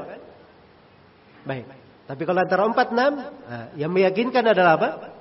Adalah empat. Nah, begitu seterusnya. Baik. Dan ini dari kaidah-kaidah besar mencakup di dalam banyak pembahasan. Iya. Saya beri contoh-contoh pembahasannya terkait dengan kaidah ini. Ya, misalnya ada sungai yang mengalir. Sungai yang mengalir. Kemudian terjadi perubahan di air sungai ini. Perubahan dari warnanya ke baunya, rasanya terjadi perubahan. Iya. Nah, kalau dipastikan yang merubahnya adalah najis, berarti itu dihukumi sebagai apa? Air najis. Tapi kalau misalnya dia bercampur dengan sesuatu, ada yang najis, ada yang suci. Sekarang apa yang dipegang di sini? Hah? Hukum asalnya dia adalah apa? Suci. Yang meragukan adalah apa? Najisnya. Maka yang dipegang adalah sucinya, yang meragukannya dibuang. Ya. Yang meragukannya dibuang. Baik, itu kaidahnya. Ya. Contoh lain. Contoh lain di pembahasan apa namanya akidah. Asalnya seorang muslim itu kalau dia sudah tetap keimanannya, keislamannya, maka tidak bisa dikeluarkan dari keislaman kecuali dengan hal yang meyakinkan. Ya. Kecuali dengan hal yang meyakinkan. Karena itu kalau misalnya ada yang berucap kekafiran atau kalimat kufur, ya, maka harus dipastikan terpenuhi padanya syarat-syarat pengafiran dan hilang darinya penghalang-penghalang. Dan hilang darinya penghalang-penghalang. Baik ini contoh disebut oleh Syekhul Islam Ibn Taimiyah. Agar supaya bisa diketahui ya bagaimana Pentingnya menggunakan kaidah ini. Al-yakinu la yazulu bisyak. Keyakinan itu tidak hilang dengan apa? Dengan keraguan. Tidak hilang dengan keraguan. Iya. Baik. Kalau misalnya di dalam sebuah masjid ada satu tempat najis. Dia diberitahu di masjid itu ada anak kecil dia kencing di masjid. Dia tidak tahu di mana anak kecil itu kencing.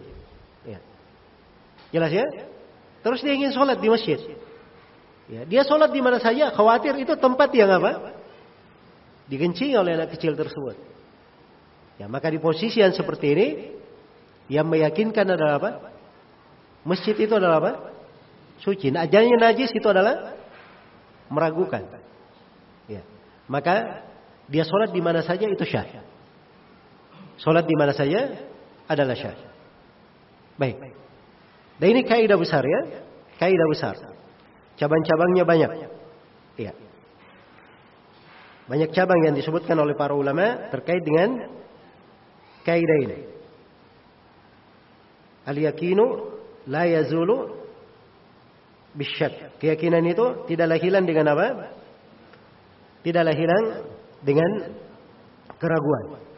Dan ini saya tidak sebutkan ya semua apa namanya dalil-dalil yang terkait dengan kaidah ini. Di antara cabang kaidah ini, ya para ulama memetik kaidah yang lain. Al aslu baqa'u makan ala makan. Asalnya tetapnya sesuatu itu di atas keadaannya semula. Iya. Asalnya tetapnya sesuatu itu di atas keadaannya semula. Iya. Baik. Jadi kalau ada sesuatu Asalnya dia suci. Diragukan jatuh najis atau tidak. Maka asalnya dia di atas apa? Kesucian. Itu asal. Ya, itu asal. Dan dibangun di atas kaidah ini juga ada namanya bara'atul dhimmah. Bara'a ad-dhimmah. Asalnya seseorang itu tidak ada tanggung jawab apa pun di pundaknya. Iya. Asalnya begitu. Tidak ada suatu apa pun yang merupakan tanggung jawab di pundaknya. Kecuali kalau ditetapkan dengan dalil bahwa dia ada tanggung jawab, maka barulah keluar dari asal tersebut. Iya. Juga di antaranya kaidah umum al aslu fil asya al ibaha. Asal di dalam perkara-perkara yang merupakan makan, minum, ya. Asalnya adalah apa? Asalnya adalah boleh. Kecuali apa yang diharamkan oleh dalil. Nah, ini berpegang dengan kaidah. Yakinnya makanan minuman asalnya semuanya dihalalkan. Itu yang yakinnya. Dia diharamkan harus ada dalil yang meyakinkan baru boleh diharamkan. Jelas ya? Nah, sama dengan terkait dengan kehormatan. Al aslu fil abdha at-tahrif. Asal dalam kehormatan terkait dengan perempuan ya. Asal yang terkait dengan kemaluan itu asalnya adalah haram. Tidak boleh dihalalkan kecuali dengan hal yang meyakinkan. Dengan perkara yang apa? Meyakinkan. Iya. Kemudian di antara kaidah juga la ibrata bitawahhum. Tidak ada tidak dianggap sesuatu itu yang sifatnya waham. Hanya sekedar sangkaan saya. Hanya sekedar apa? Sangkaan. Nah sangkaan-sangkaan ini ini subhanallah yang menjadi sumber malapetaka di masa ini. Ya. Apalagi dengan media-media ini. Ya, kalau dulu itu orang berdosa biasanya kalau dia berucap mencela.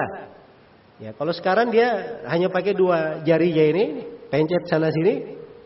Nah, ini kadang lebih sadis daripada mulutnya nasallallahu alaihi di masa sekarang. Ini penyebaran hoax, penyebaran berita dusta, ya.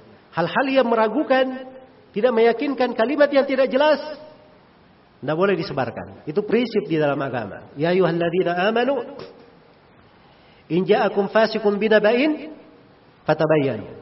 Wahai orang-orang yang beriman. Kalau datang kepada kalian seorang fasik membawa berita. Maka minta kejelasan.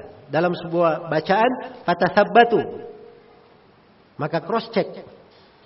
Ya. Berita yang dia bawa tersebut. Diperiksa ulang. Dipastikan. Dipastikan.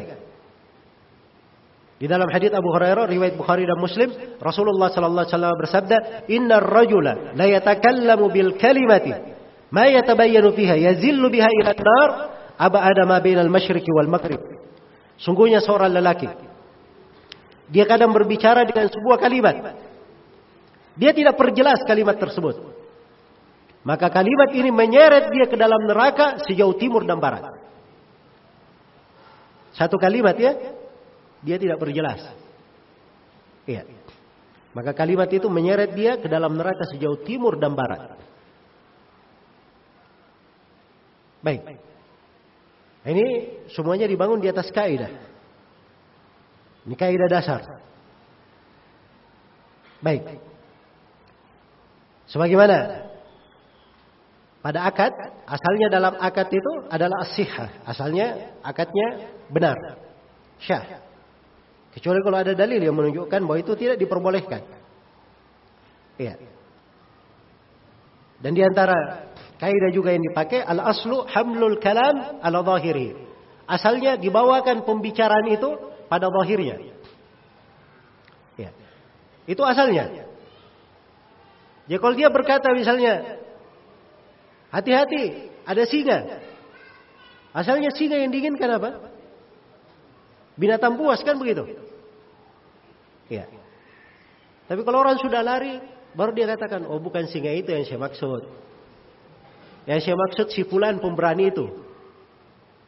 Ya. Jadi ini dia pakai kinaya kan? Untuk si fulan. Nah itu tidak ada ininya. Maka asal dalam penggunanya kalau dia bilang singa, itu adalah apa? Binatang buas. Kecuali kalau dia berkata, saya melihat singa sedang khutbah. Nah, ini memang bisa dipahami sebab ada indikasi. Mana pula ada singa bisa khutbah kan begitu? Binatang itu hanya ibarat untuk orang yang pemberani dia berkhutbah. Nah, itu ada indikasinya. Tapi kalau asal pembicaraan itu diarahkan kepada mana asalnya? Ya. Mana bahirnya? Ya. Jadi kalau dia berkata ini rumah, ya, dia punya rumah. Dia berkata kepada si fulan, ini rumah saya hadiahkan untuk kamu. Atau saya hibahkan untuk kamu. Setelah ditagi mana? Bukan, bukan rumah ini yang saya maksud. Ya. Maksudnya rumah-rumahan ini di dalamnya dia tunjuk. Ya. Nah, itu tidak boleh ya sebab dia asalnya sudah berkata rumah. Rumah itu yang dimaklumi, di, di, yang dimaklumi adalah rumah yang benar yang ditinggali. Kan begitu. Nah, ini semuanya diperlukan ya. Dan ini hal-hal yang seperti ini, ini kembali ke urusan pengadilan nanti, masalah talak, masalah perceraian, ini yang menggunakan kata apa. Jadi kalau misalnya ada suami berkata kepada istrinya, pulang saja kamu ke rumah orang tuamu. Ya. Silahkan kamu kembali ke ibumu. Ya.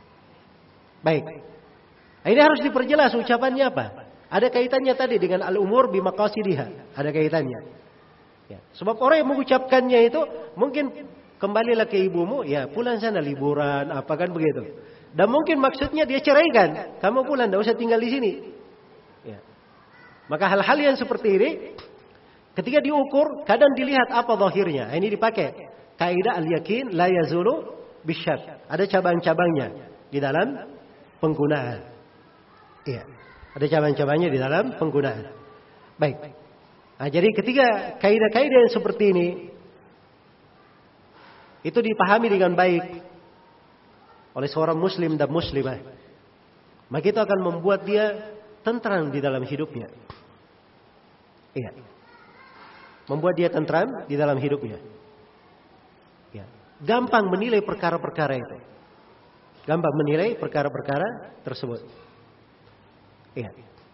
Apalagi sekarang ini ya misalnya anak-anak muda yang sering dipanas-panasi oleh sebagian orang melakukan aksi-aksi yang mereka katakan ini aksi jihad, ya.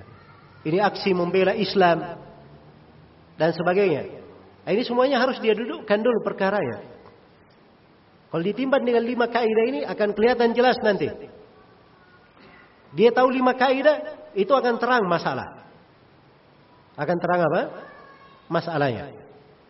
Ya. Dia bisa menilai perkara-perkara itu. Baik. Nah, kita sudah bahas sekarang dua kaidah. Kaidah al-umur bimaqasidiha. Pertama dilihat apa maksudnya. Di belakang hal tersebut. Iya. Terus yang kedua, ini kaidah yang kita bahas sekarang. Al-yakin la yazulu bisyak. Hal-hal yang meyakinkan, nah itu jelas. Iya. Perkara yang meyakinkan. Baik. Ya kalau misalnya ada yang di dalam negara ini dalam negara ini mengatakan ada pimpinan negara lain, ada imam lain yang kita bayat. Ini diterima atau tidak? Yang meyakinkan itu adalah pimpinan negara yang sudah ada, itu yang meyakinkan. Jelas ya? Itu yang meyakinkan. Karena itu Imam Ahmad ketika beliau ditanya, apa ukuran seseorang itu jadi kepala negara? Ukurannya kamu masuk di dalam sebuah negara, kamu tanya kepada penduduk negara siapa pimpinanmu, semuanya menunjuk ke sana, nah, itulah pimpinan negara namanya. Jadi kalau kita di Indonesia ini, kepala negara kita siapa? Hah? Kan Bapak Joko Widodo kan begitu. Semua orang akan menunjuk ke sana. Dan itu imam namanya, imam kaum muslimin di Indonesia. Bahasa lainnya. Ya. Amirul Mukminin bahasa lainnya. Ini kalau kita pakai bahasa-bahasa apa? Bahasa-bahasa syariat. Baik. Jadi kalau ada yang mengangkat dirinya sebagai imam selain daripada itu, itu diterima atau tidak? Nah ini kaidahnya. Al-yakinu la yazulu bisyak. Akan datang lagi kaidah yang ketiga nanti. Apa kaidah berikutnya nanti saya akan terangkan. Abdarar yuzan. Bahaya itu harus dihilangkan akan datang. Salah satu dari bentuk bahaya yang seperti ini. Kalau datang seseorang ingin menggugat penguasa yang sudah ada. Kata Nabi Shallallahu Alaihi Wasallam dalam hadits riwayat Muslim, "Man atakum wa amrukum jami' ala qalbi rajulin wahidin yuridu an yashqa asal muslimin fadribu unuqal akhiru minhuma kainan man kan." Siapa yang mendatangi kalian sementara kalian itu bersatu di bawah pimpinan seorang pemimpin, orang yang datang terakhir ini ingin memecah belah kaum muslimin, maka kata Nabi, penggal leher orang yang terakhir datang. Siapa pun dia. Siapa pun dia. Nah kalau mau berbicara nas-nas syariat, itu nas-nasnya. Ya. Itu nas-nas syariat. Jelas ya? Jangan mengajak orang membangkitkan semangatnya. Ya. Tapi ujung-ujungnya ada udang di belakang batu. Ya. Nah boleh seperti itu ya. Seorang itu harus jujur. Apalagi dia hidup di tengah umat Islam. Dia harusnya sayang kepada saudara-saudaranya kaum muslimin. Jangan dia menjadi sebab terjadinya pertumpahan darah. Menjadi sebab terjadinya kekacauan. Menjadi sebab hilangnya ketentraman dan keamanan. Gara-gara secuil kekuasaan yang ingin dia raih. Dunia yang hina. Dia melayangkan banyak nyawa dari kaum muslimin. Ya. Ingin diulangi lagi kejadian tahun 98? Ya, cukuplah. Seorang muslim itu kata Nabi sallallahu alaihi wasallam, la yuldagul mu'min bi juhrin wahidin marratain. Seorang muslim tidak jatuh di dalam lubang binatang buas sebanyak dua kali. Satu kali saja. Sudah pernah dapat pahitnya satu kali, sudah, itu pelajaran. Sepanjang dia hidup. Iya. Pelajaran sepanjang dia hidup. Dan belum pernah ada di dalam sejarah umat ini. Semenjak Rasulullah Sallallahu Alaihi Wasallam diutus. Hingga hari ini. Ada kaum yang kudeta terhadap pemerintahnya. Belum pernah ada sejarahnya membawa kebaikan untuk masyarakatnya. Itu belum ada. Di dalam catatan sejarah. Iya. Jadi dari sisi dalil Al-Quran itu mengharamkan. Dari sisi kenyataan sejarah sudah mencatat pahitnya. Maka harusnya kita lebih berakal untuk hal tersebut. Nah, ini mana seorang berpegang di atas kaidah. Hidupnya itu menjadi tenang. Ya, ketika ada masalah-masalah tertentu, dia jeli di dalam melihat. Ada pijakan, beda dengan orang yang tidak ada pegangannya. Ya, dia diajak ke mana saja, ada angin ke timur, ya, misalnya dia ikut juga ke timur. Ada ke barat, dia juga ingin ikut ke barat. Nah, seperti itu seorang muslim. Seorang muslim itu dia teguh, tegar di atas pendidikan, di atas pendiriannya. Itulah sifat seorang muslim. Baik. Kemudian kaidah yang ke tiga.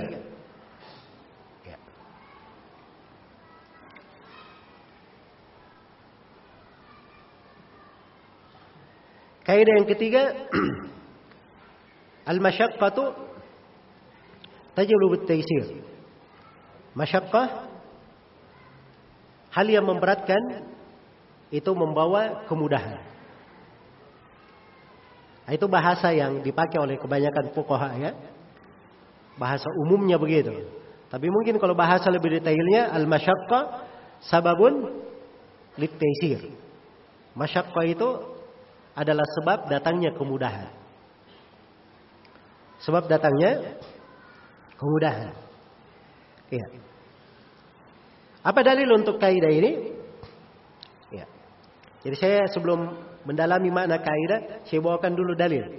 Supaya kita membangun pemahaman di atas apa? Di atas dalil. Baik, di antara dalilnya adalah firman Allah Subhanahu wa taala di surah Al-Baqarah ayat 185. Yuridullahu bikumul yusra wa la yuridu bikumul usr. Allah menghendaki untuk kalian kemudahan. Dan Allah tidak menghendaki kesusahan untuk kalian. Iya.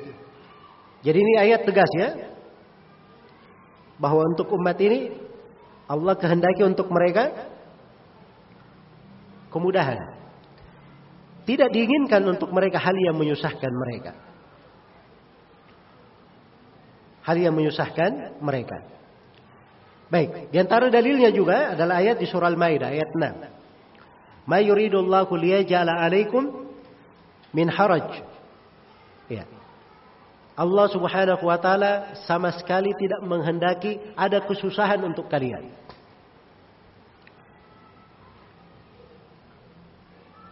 Baik.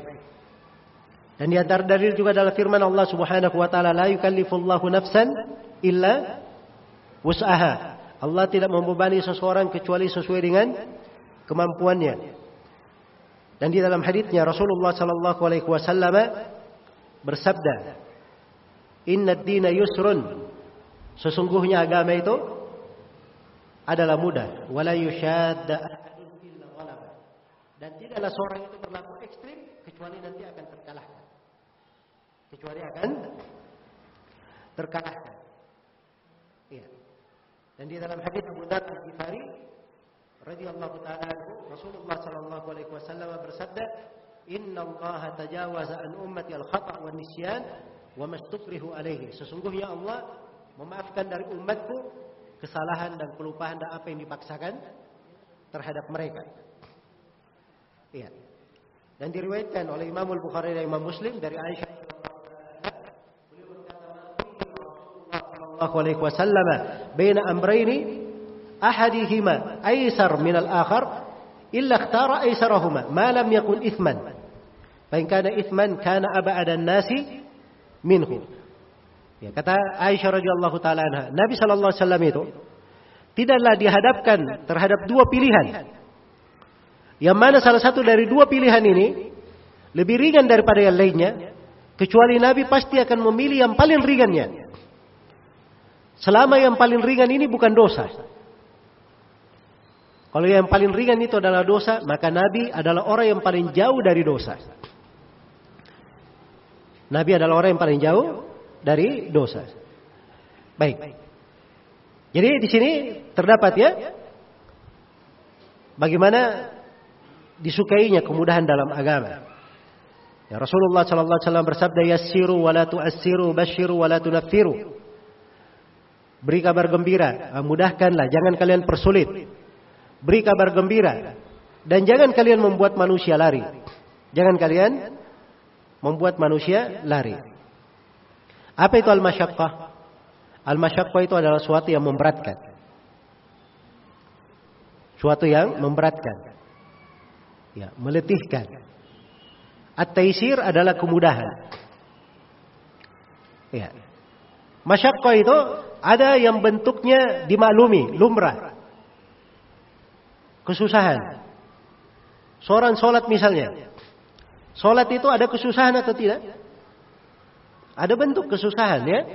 Orang lagi tidur, pas adan dia datang, dari rumahnya dia berjalan ke masjid. Ini beban atau tidak? Beban ya bentuk kesusahan. Tapi ini sudah mencakup di dalam ibadah. Dan hal yang seperti ini itu bukan susah dalam definisi agama. Sama ketika seorang berjihad. Jihad itu kan ada yang terbunuh, terluka dan seterusnya. Itu menyusahkan atau tidak? Menyusahkan. Tapi itu tidak dihitung masyarakat di dalam agama. Jelas ya? Baik. Jadi kalau begitu, ukuran kesusahan Kesulitan itu bukan diukur dengan pikiran dia sendiri. Ya, yang dianggap kesusahan apa yang telah ditetapkan di dalam syariat atau perkara yang syariat tidak berbicara tentangnya. Itulah di situ dia berijtihad. Masalah susah atau ringannya. Sama dengan keringanan. Keringanan juga seperti itu. Keringanan itu bukan urusan wah enaknya saya beri kamu keringanan, kamu tidak usah sholat. Ya. Nah seperti itu. Jelas ya? Dan itu tidak disebut keringanan.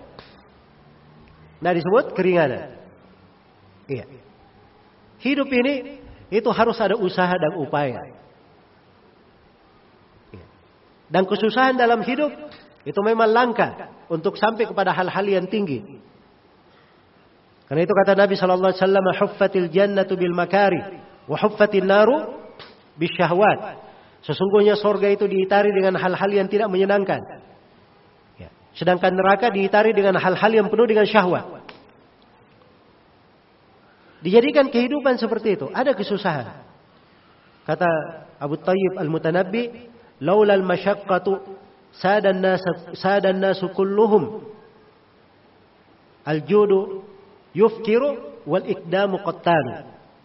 Andai kata bukan karena hal yang meletihkan, semua manusia jadi pemimpin. Semuanya akan berhasil. Ya, tapi itulah orang yang dermawan kadang membawa kekurangan untuknya. Orang yang pemberani kadang bisa menyebabkan dia terbunuh. Nah, hidup itu seperti itu resikonya. Ingin masuk ke dalam hal yang baik ada risiko, ada risiko.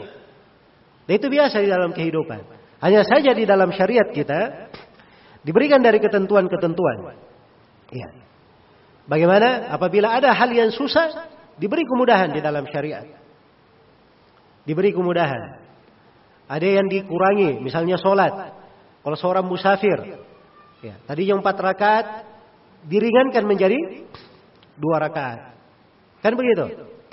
Iya. Misalnya seorang itu apabila dia sakit, sementara dia sholat. Kalau dia tidak mampu berdiri, maka dia duduk. Tidak mampu duduk, maka dia apa? Dia berbaring. Nah, itu al-masyaqqat tajlibut taysir. Iya. Baik. Sebagaimana misalnya, ya, apabila seorang itu sedang melakukan perjalanan, maka dia boleh puasa, boleh tidak puasa. Ya. Diberikan dari keringanan. Diberi dari keringanan. Ya, pada saat terjadi perang, ada terjadi hal yang mengkhawatirkan, bisa sholat khauf. Ada syariat sholat khauf namanya. Jadi adanya kesusahan-kesusahan ini syariat memberikan keringanan-keringanan. Dan itu dari keindahan syariat kita dan ciri agama ini. Ciri agama ini. Iya. Karena itu kalau ada yang mengajarkan agama dengan hal yang memberatkan, yang manusia secara umum ya, tidak bisa menangkapnya, nah, itu ciri bahwa ini ada masalah di pemahaman agama yang dia bawa. Iya. Masa manusia itu ada yang masih ada yang di tingkatan hakikat, ada yang di tingkatan syariat. Kamu kenapa tidak sholat Jumat? Siapa bilang saya nggak sholat Jumat? Loh, bapak kan tadi dari tadi cuma duduk-duduk depan rumah, tidak pergi sholat Jumat.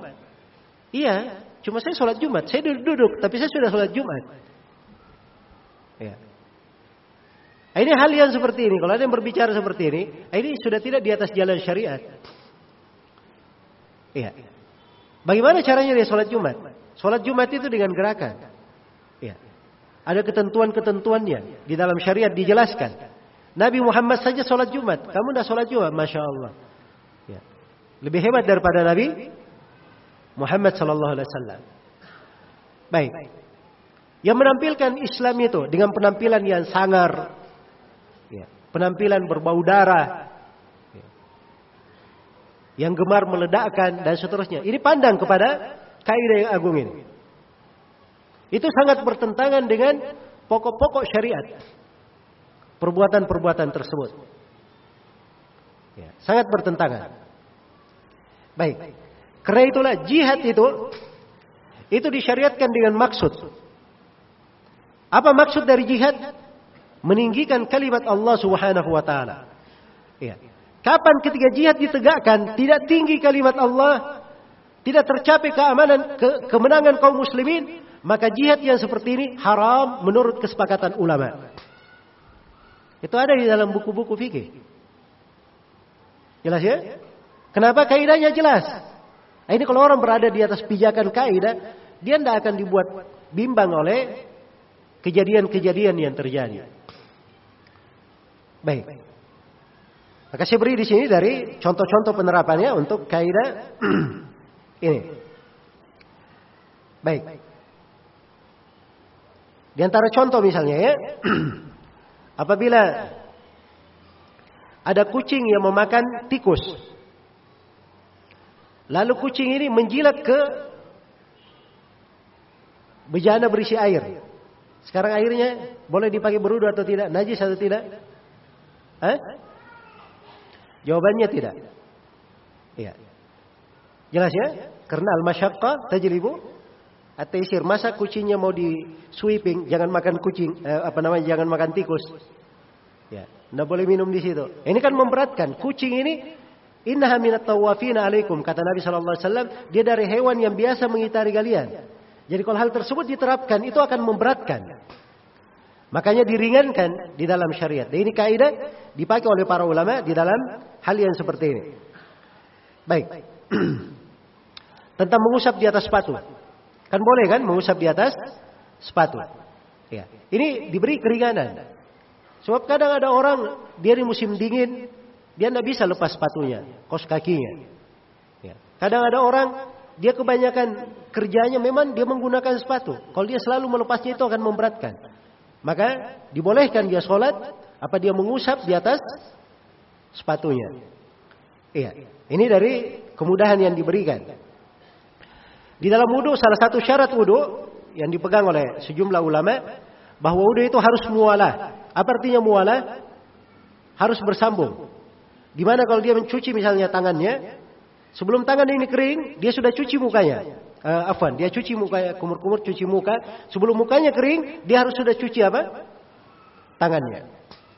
Sebelum tangannya kering, dia harus sudah usap kepalanya. Nah, itu mualah namanya. Kapan mukanya sudah kering, baru dia cuci tangan, batal wudhunya. Tapi kalau orang sementara wudhu, tiba-tiba habis air. Iya.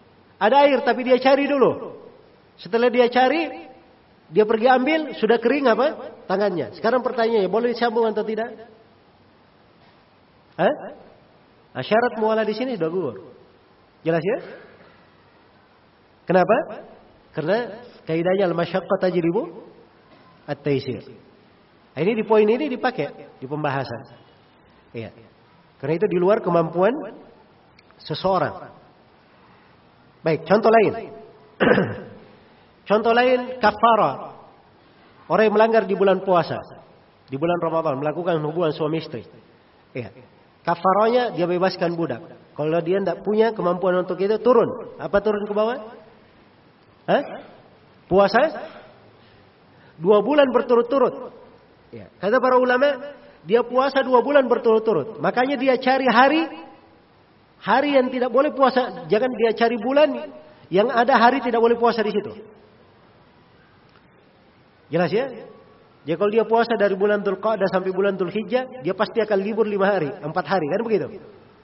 Nah ini tidak boleh dia di situ. Jelas ya?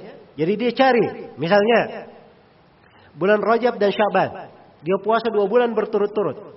Nah, ini bagus.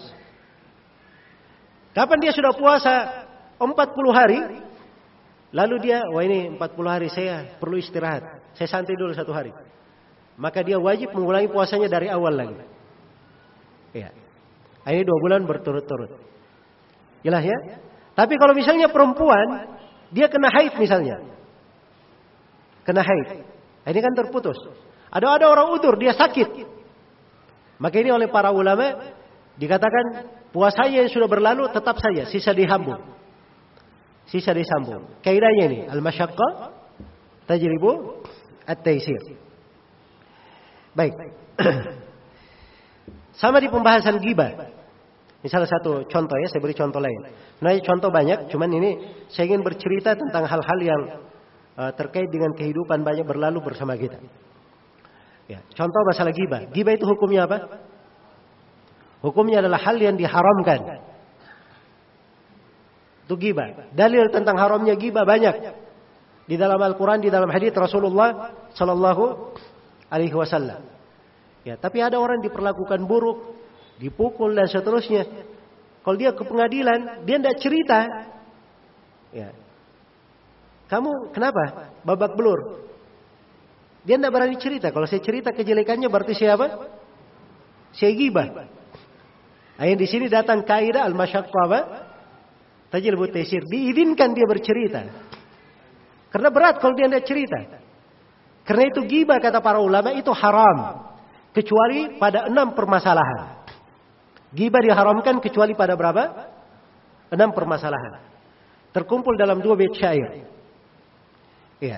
Kata para ulama al-qadahu laysa bighibatin fi sittatin mutadallibin wa mu'arrifin wa muhaddiri wa mujahirin fisqan wa mustaftin wa man talaba al-i'anata fi izalati munkarin. Enam.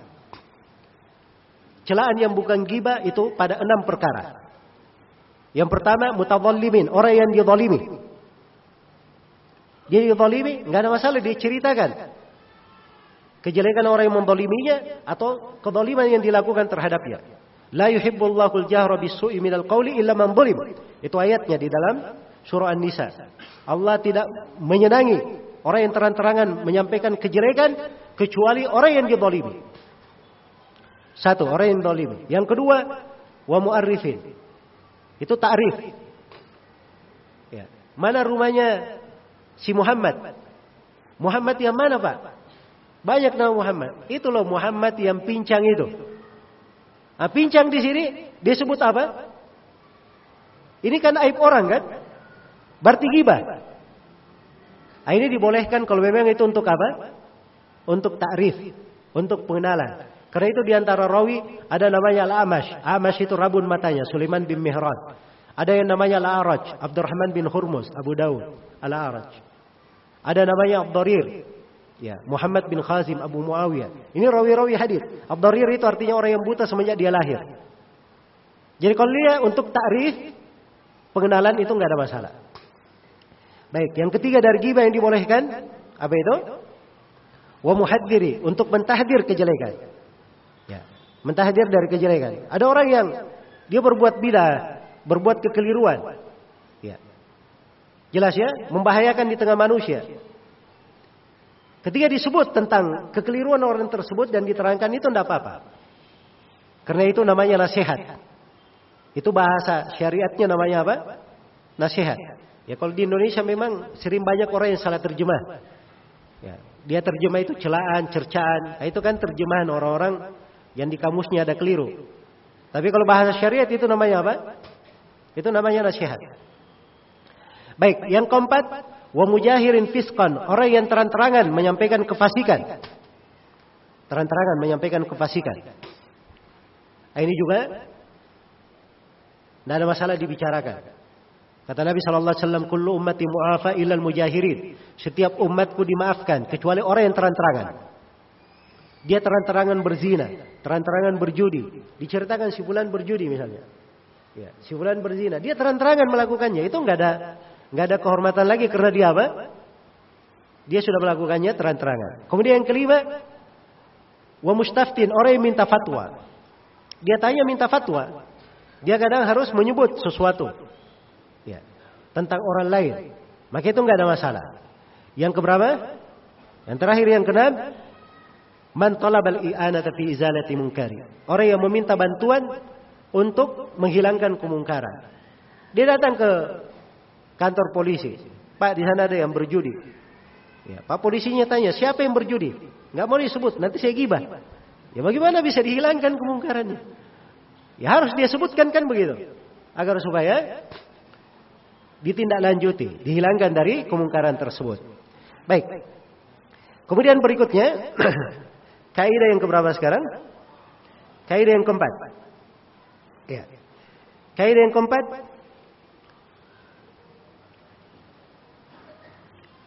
Kaidah ad-darar yuzal. Bahaya itu harus dihilangkan. Ya. Ini kaidah dipetik dari ayat-ayat Al-Qur'an dan hadis-hadis Rasulullah sallallahu alaihi wasallam. Ya.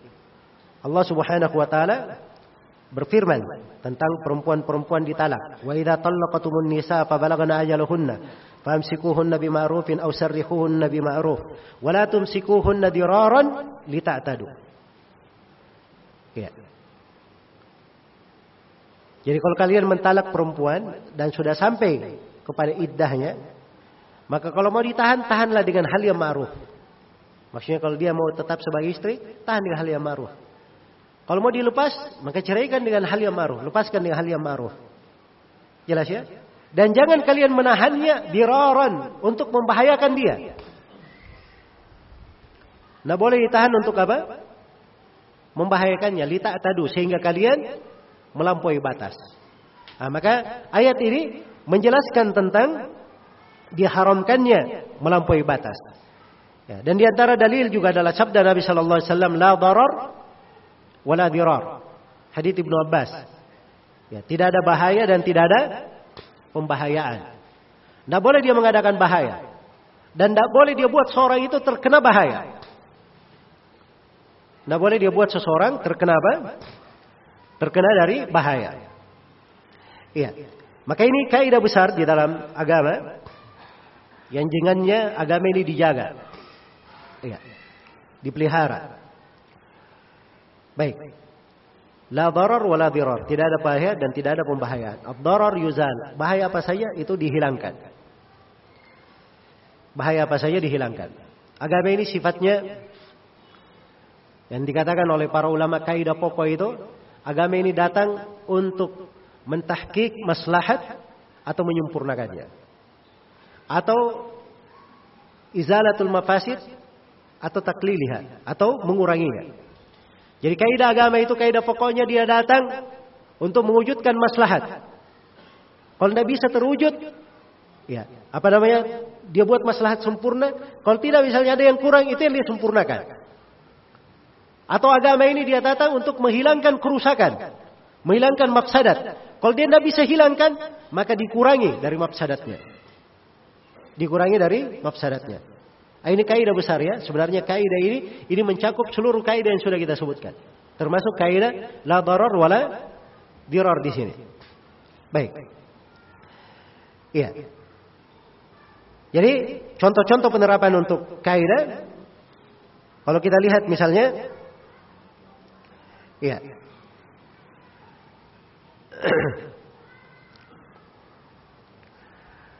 Misalnya di pembahasan sholat khauf. Ya, di pembahasan sholat khauf itu kan ketika ada musuh di depan. Ya. Kalau kaum muslimin sholatnya seperti biasa, sholat berjamaah seperti biasa, maka mereka akan gampang untuk diserang oleh musuh. Maka datanglah syariat untuk menghilangkan bahaya tersebut. Disyariatkanlah solat khauf namanya. Solat khauf itu banyak kaifiatnya. Banyak kaifiatnya. Iya. Ada lebih dari lima kaifiat pada solat khauf.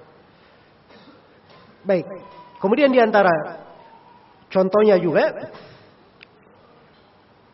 iya. Di antara contohnya juga, la darar. Asalnya pemerintah itu yang mengambil zakat. Tapi kalau pemerintah misalnya mengambil zakat, dia serahkan bukan kepada orang yang berhak menerimanya, maka ini tidak boleh diserahkan ke pemerintah.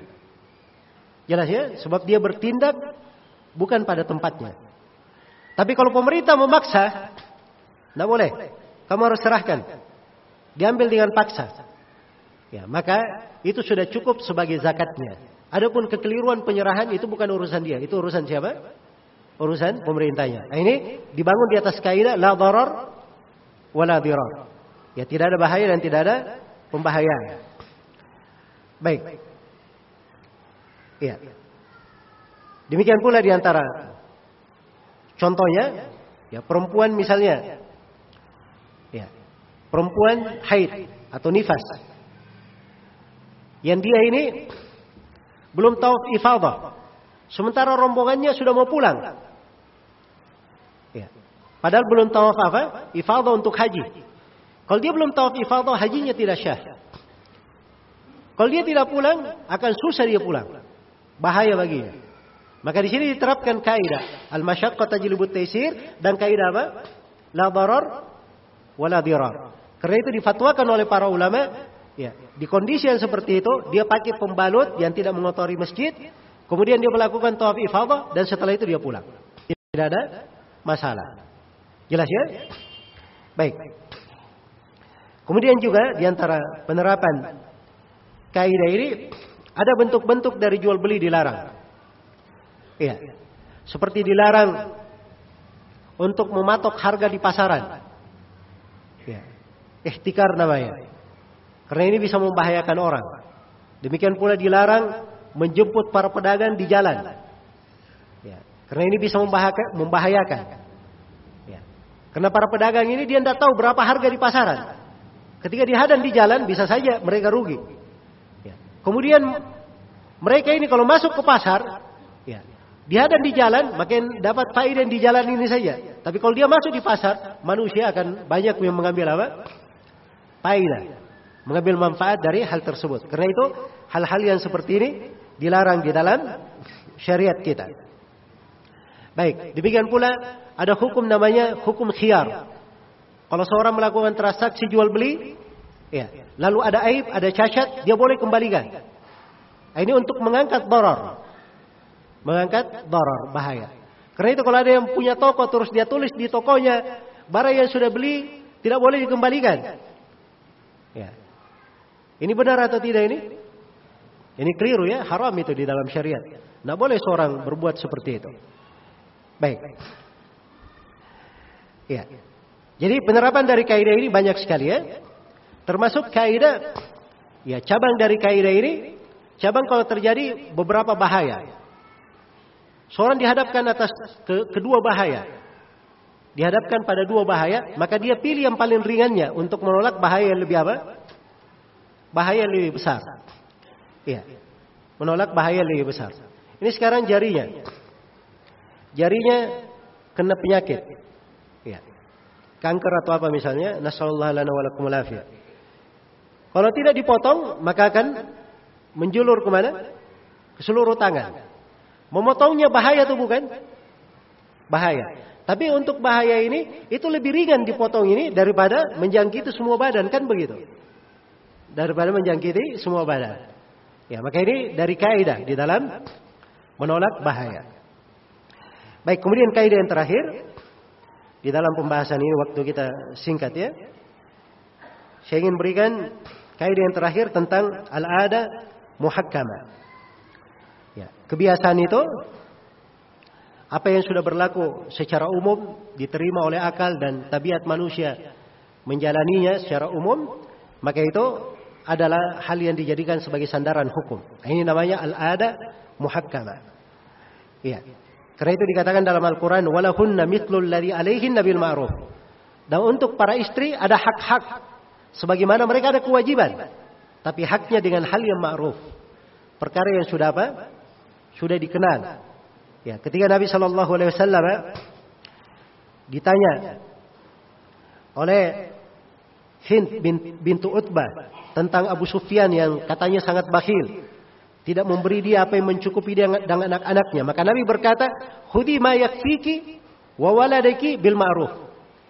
Ambillah apa yang mencukupi engkau dan mencukupi anakmu, tapi dengan hal yang ma'ruf. Sebagaimana biasanya. Iya. Jadi kalau misalnya istri itu nafkah bulanannya, ada suami ya, suaminya banyak duitnya. Cuma istrinya dia zalimin, tidak dikasih biaya, tidak dikasih nafkah.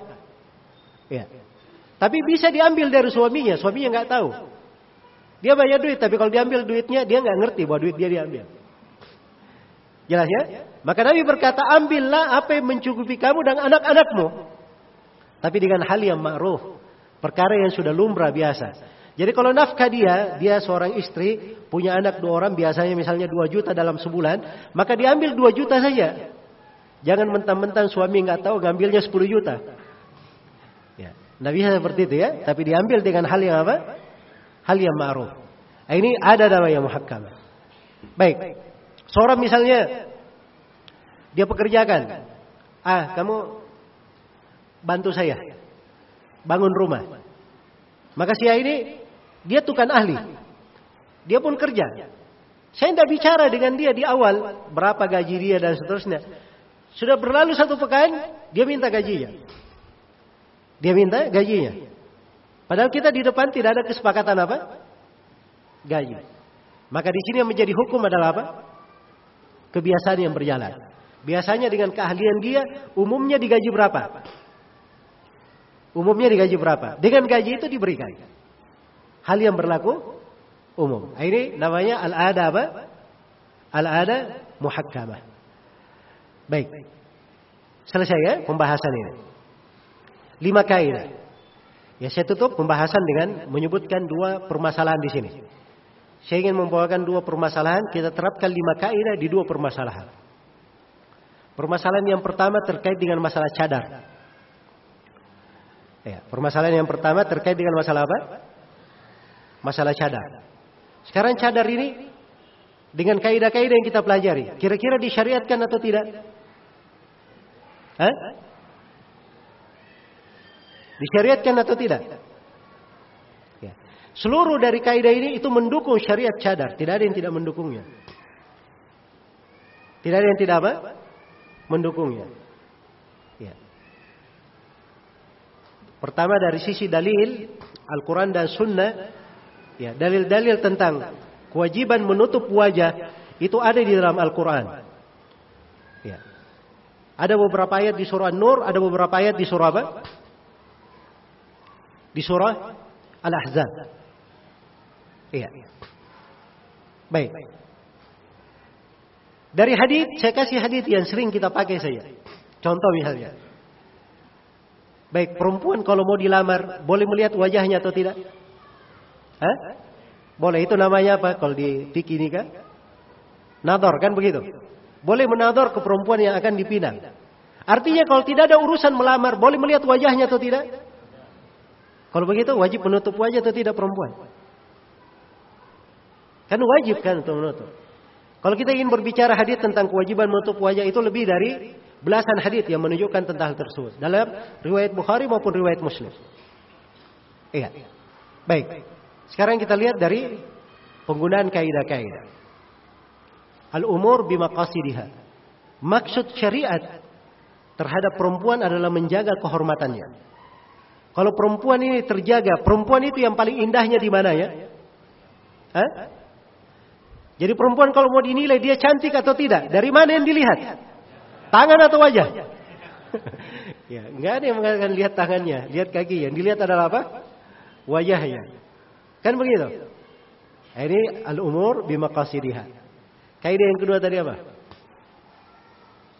Ayo kaidah yang kedua. Al-yakinu la yazul bisyak. Ya. Hal yang dengannya perempuan itu terjaga dari kehormatannya terjaga dari kehormatannya. Yang meyakinkannya itu pada hal apa? Dia memakai hijab atau dia melepaskan hijabnya? Hah? Dia berhijab karena itu di dalam Al-Quran diisyaratkan hikmah tersebut. Iya. Yudinina alaihinna min jalabi bihinna. Dalika adana apa? Ayyurafna fala yu'dain. Jilbab itu agar supaya mereka itu lebih mudah dikenal sehingga mereka tidak diganggu. Nah, itu yang meyakinkan untuk mereka. Dengan menutup apa namanya? Wajahnya. Penjagaan untuk kehormatannya meyakinkan di situ. Jadi kalau yang mengatakan tidak apa-apa dibuka, nah ini dia masuk ke dalam hal yang tidak meyakinkan. Iya. Kemudian perlu saya ingatkan ini masalah cadar jangan ada yang bilang ah, ini masalah apa namanya ada para ulama yang mewajibkan ada para ulama yang tidak mewajibkan. Iya. Ini bukan masalah-masalah yang dibahasakan seperti itu. Saya ingat ya, guru kami Syekh Abdul Muhsin Al-Abbad, beliau berkata tentang pendapat Syekh Al-Albani mengatakan cadar tidak wajib. Kata beliau, andai kata pendapat Syekh Al-Albani ini dari kebenaran, maka itu dari kebenaran yang harusnya dia sembunyikan, tak boleh dia tampakkan. Kenapa? Sebab bahaya di atas hal tersebut banyak, membuat orang bergampangan. Ya. Membuat orang bergampangan. Baik, kaidah yang keberapa? Kaidah yang ketiga. Apa kaidah yang ketiga tadi? Hah? Al-masyaqqah tajribu at-taysir. Hal yang memberatkan itu mendatangkan apa? Kemudahan. Perempuan itu mudahnya untuk mereka. Hal yang dengannya terjaga, terpelihara, tidak terganggu. Dengan apa? Dengan dia menutup auratnya. Baik, ini yang ketiga. Kemudian kita di pembahasan Abdoror Yuzan, bahaya. Dihilangkan. Itu sudah jelas ya hikmahnya. Dihilangkan bahaya dari mereka. Dihilangkan bahaya. Ya, baik. Tadi juga tentang uh, al-umur bimaqasidiyah ada yang saya luput. Para ulama sebutkan tentang firman Allah Subhanahu wa taala Kullil mu'minina yaghuddu min absarihim wa yahfazu furujahum. Katakan kepada laki-laki yang beriman untuk menundukkan pandangannya dan menjaga kemaluannya. Dan katakan kepada perempuan mukminah untuk menundukkan pandangannya dan menjaga kemaluannya. Yang membantu menjaga seseorang itu menundukkan pandangan adalah apa? Perempuan menutup mukanya atau membuka mukanya? Hah? Menutup mukanya. Itulah tadi kaidahnya al-wasail laha ahkamul maqasid. Wasilah itu punya hukum seperti maksud dasarnya. Karena maksud dasarnya adalah menjaga, maka wasilah yang dipakai ke sana, termasuk menutup wajah, itu juga dipakai. Baik. Untuk kaidah al-ada muhakkama. Al-Hafidh Ibnu Hajar di dalam Fathul Bari beliau menyatakan bahwa kebiasaan perempuan menutup wajah ini adalah kebiasaan perempuan dari masa lalu dan masa sekarang. Itu di masa Ibnu Hajar. Demikian pula disebutkan oleh Al-Ghazali dan selain daripada itu. Jadi kalau ada yang mengatakan bahwa sekarang ya kebiasaan perempuan tidak menutup wajah, ini kebiasaan kapan? Kapan munculnya? Jelas ya? ya. Sebab tidak dikenal di negeri-negeri kaum muslimin kebiasaan membuka wajah kecuali setelah penjajahan masuk ke negeri-negeri kaum muslimin. Iya. Dan itu terbukti ya. Terbukti dengan penukilan apa namanya para ulama seperti Ibnu Hajar tadi dan di masa dekat ini semenjak adanya pengamadian dengan foto itu telah telah tergambar terfoto perempuan-perempuan dengan tutup wajahnya. Bukan di umat Islam saja, bahkan orang Yahudi dan Nasara juga. Bahkan orang Yahudi dan Nasara juga di dalam hal tersebut. Baik ini masalah yang pertama. Saya ingin terapkan terkait dengan masalah kaidah tadi. Masalah yang kedua ya, terkait dengan masalah pemilu. Ini kita lihat bagaimana menimbang sesuai dengan kaidah-kaidah fikih. Baik. Di sini orang-orang yang ada sebagian orang yang kadang ya, kadang saya juga bingung ya membacanya. Ya, kadang di sebagian poin dia katakan ini pemilu tidak ada dalilnya dari agama kita, tidak pada pondasinya, tidak pula pada apa? Pada dasarnya. Tapi setelah itu dia katakan pemilu itu dianjurkan. Loh, kok bisa? Tidak ada dasarnya dalam agama, tiba-tiba menjadi apa? Dianjurkan. Apa artinya kalau dianjurkan? Dianjurkan itu paling tidak hukumnya sunnah, mustahab, kan begitu. Kalau sunnah mustahab berarti ada dalil yang menganjurkan. Ada dalil yang menganjurkan. Baik ini saya berbicara tentang sudut agama. Saya tidak berbicara pemilu ini di hukum negara Indonesia dan seterusnya. Saya bukan orang yang berbicara kamu memilih atau tidak memilih. Saya berbicara tentang hukum apa? Hukum masalah ini di dalam syariat kita. Baik. Ya kalau dikatakan dianjurkan, harus ada dalil di dalam hal tersebut. Kalau disebut fatwa-fatwa para ulama itu keliru kalau memakai fatwa para ulama. Karena para ulama yang memberi fatwa tentang pemilu itu tidak ada yang memberi fatwa mutlak. Tidak ada yang memberi fatwa mutlak. Semuanya memberi fatwa terikat dengan syarat-syarat. Terikat dengan syarat dan ketentuan. Iya. Dan kalau terikat dengan syarat dan ketentuan, itu tidak dibuka bebas untuk orang-orang umum. Masuk di dalam hal tersebut. Apalagi difatwakan semuanya memilih. Ya. Jelas ya? Nah, di pembahasan kaidah fikihnya, kaidah fikih yang dipakai katanya irtikab akhafid dararain. Kita mengambil bahaya yang paling apa? Paling sedikit dari dua bahaya. Mengambil bahaya yang paling sedikit dari apa? Dari dua bahaya. Ini penggunaan kaidah juga, ini perlu dicermati lagi lebih mendalam. Karena kaidah ini itu di pembahasan ketika ada apa? Ketika seorang itu dihadapkan pada dua bahaya. Dia tidak bisa lepas dari dua bahaya itu. Ya. Bisa lepas dari dua bahaya. Saya ingin tanya sekarang. Kalau ada orang yang misalnya yang tidak memilih, dia dapat bahaya atau tidak? Hah? Di pemerintahan kita sendiri tidak ada kewajiban seorang itu harus memilih.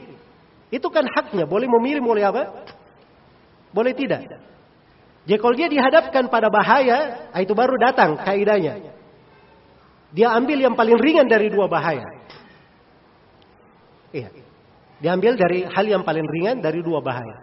Nah, sekarang kalau dilihat dari sudut pemilu itu sendiri. Kita lihat dari sudutnya. Di dalamnya disamakan suara laki-laki dan perempuan. Dan ini sudah keliru di dalam sudut agama. Disamakan suara fasik dan orang yang salih, kafir dan muslim. Disamakan. Ini sudah keliru dari sudut agama. Ya. Kemudian, kalau misalnya pemilu itu terkait dengan penguasa yang sudah ada. Ini penguasanya ada, presidennya ada. Mau datang pemilihan presiden lagi. Maka sebagian ulama kadang ada yang memberi fatwa, dia ikut pemilu untuk mempertahankan pemerintah yang syah. Ada yang memberi fatwa seperti itu. Ini sekarang kalau dia misalnya memberi fatwa pemilu, orang memilih calon lain untuk menggulingkan puasa yang ada, kira-kira tidak masuk ke dalam hukum pemberontakan? Ini harus dia pikirkan. Akibat dari apa? Penggunaan kaidah-kaidah. Karena itu sepanjang seorang itu berbicara agama, dia ahli sunnah. Ahli sunnah itu arahannya jelas mengajari manusia akidah yang benar supaya manusia itu selamat dari api neraka. Membuat manusia itu tenang dengan ilmu, dengan belajar. Tegakkan khilafah Islamiyah di dalam hatimu, amalkan di dalam kehidupanmu dengan sendirinya akan berdiri negara Islam. Itu kan konsepnya ahli sunnah. Nabi seperti itu caranya mendidik. Beliau datang dengan agama ini Ya, sendirian. Yang pertama menjawab dakwanya adalah istrinya, diikuti oleh Abu Bakar. Sedikit yang mengikuti beliau. Tidak ada beliau langsung masuk di urusan kekuasaan, nggak ada. Beliau bangun manusia masyarakat dengan tauhid. Dengan sendirinya lahir pemerintahan Islam di mana? Di Medina. Nah, itu jalan Nabi sallallahu alaihi wasallam. Jelas ya? Maka memasukkan manusia di dalam hal yang seperti ini, ini membuat kebingungan.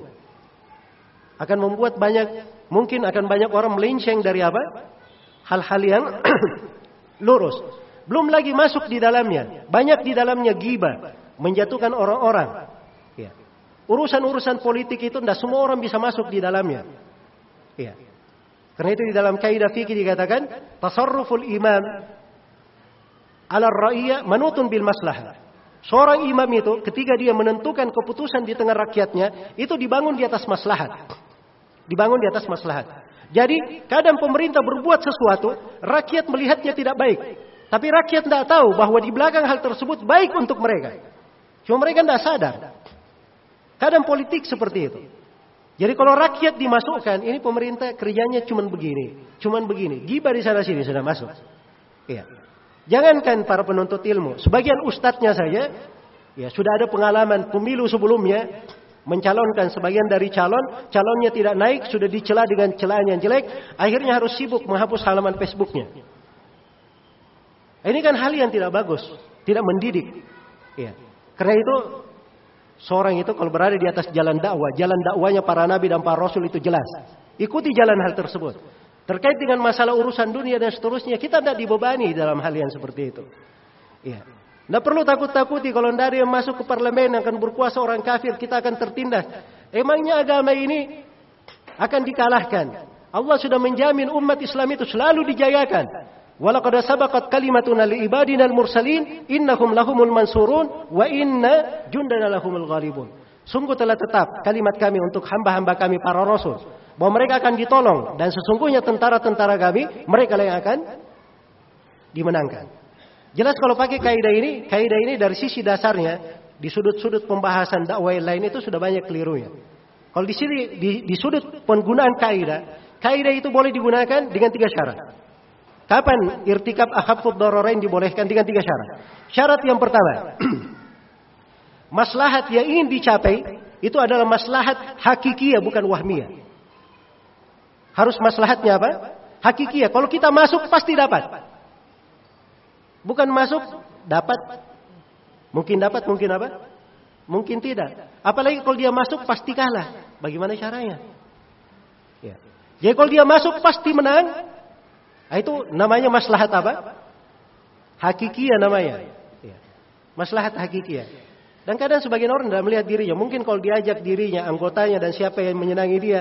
Mungkin tidak akan dapat satu persen dari suara di Indonesia. Apa yang dia bisa rubah? Ini harus dia pikir hal yang seperti ini. Sebab ini dia masuk, namanya dia beri pisau tajam kepada manusia. Dipakai begitu saja sembarangan dipakai. Nah seperti itu. Ya, dimasukkan kepada manusia. Kemudian syarat yang kedua, maslahat itu kalau dihadapkan kepada irtikab akhafud dararain, maka maslahat yang akan dikejar itu lebih besar kebaikannya dari mafsadat yang akan dijalani. Ini sekarang dalam mafsadat di pemilu itu banyak sekali mafsadatnya lebih besar daripada maslahat. Ini tidak terpenuhi. Kemudian syarat yang ketiga, tidak ada jalan lain lagi kecuali itu. Tidak ada jalan lagi yang lain kecuali itu. Baik. Jadi saya tidak mengatakan bahwa pemilu itu sama sekali tidak boleh atau pemilu itu selalu boleh. Tapi ini sesuatu oleh para ulama kalau dipakai itu dengan ketentuan dan kaidah-kaidah. Bukan dilepas umum seperti itu. Dan ini pembahasan disempitkan, bukan pembahasan yang diperluas, dibicarakan. Hal yang disempitkan pembahasannya. Ya, dan saya ada pengalaman pribadi ya kalau terkait dengan masalah itu. Ada pengalaman pribadi. Kita punya di mana? Di Sulawesi Tenggara sana. Kita ada satu desa binaan. Ya, kawan-kawan kita sudah bagus begitu mengaji, menegakkan sunnah. Ya. Kepala desanya adalah seorang yang ikhwan yang apa namanya multazim. Nah, masuk peraturan desa, namanya desa harus ada pemilihan. Ya. Ada calon dari ikhwan kita orang yang baik ini, dan ada calon lagi satu, dia ini dari orang awam, ya mungkin karena keawamannya dia akan memasukkan hal-hal yang tidak bagus ke mana? Ke desa. Ditanyakan waktu itu ke saya, apa hukumnya? Kalau kita ikut pemilu memilih kawan kita ini. Sebab kalau mereka memilih pasti menang. Kenapa? Karena penduduk desa 90% adalah kawan-kawan kita. Ya saya tanya ke Syekh Shalal Fauzan. Kata Syekh Shalal Fauzan, ya. Suruh aja mereka memilih. Ya sampai sekarang masih sebagai kepala desa kawan kita. Kalau hal yang jelas, manfaatnya jelas, oke okay lah. Ya. Tapi kalau masukkan manusia dalam perkara yang dia sendiri tidak bisa menentukan, ya. Nanti di belakang pembolehan harus dipilihkan. Partai apa yang harusnya dia pilih. Ya banyak lagi urusan di belakangnya.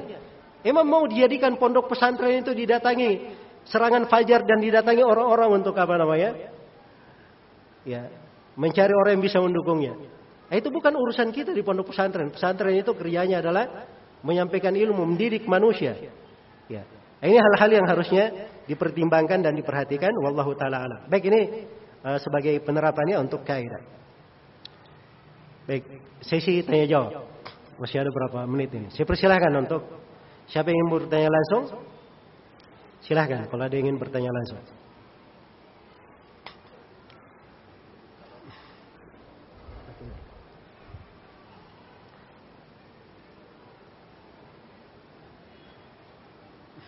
Di bawah.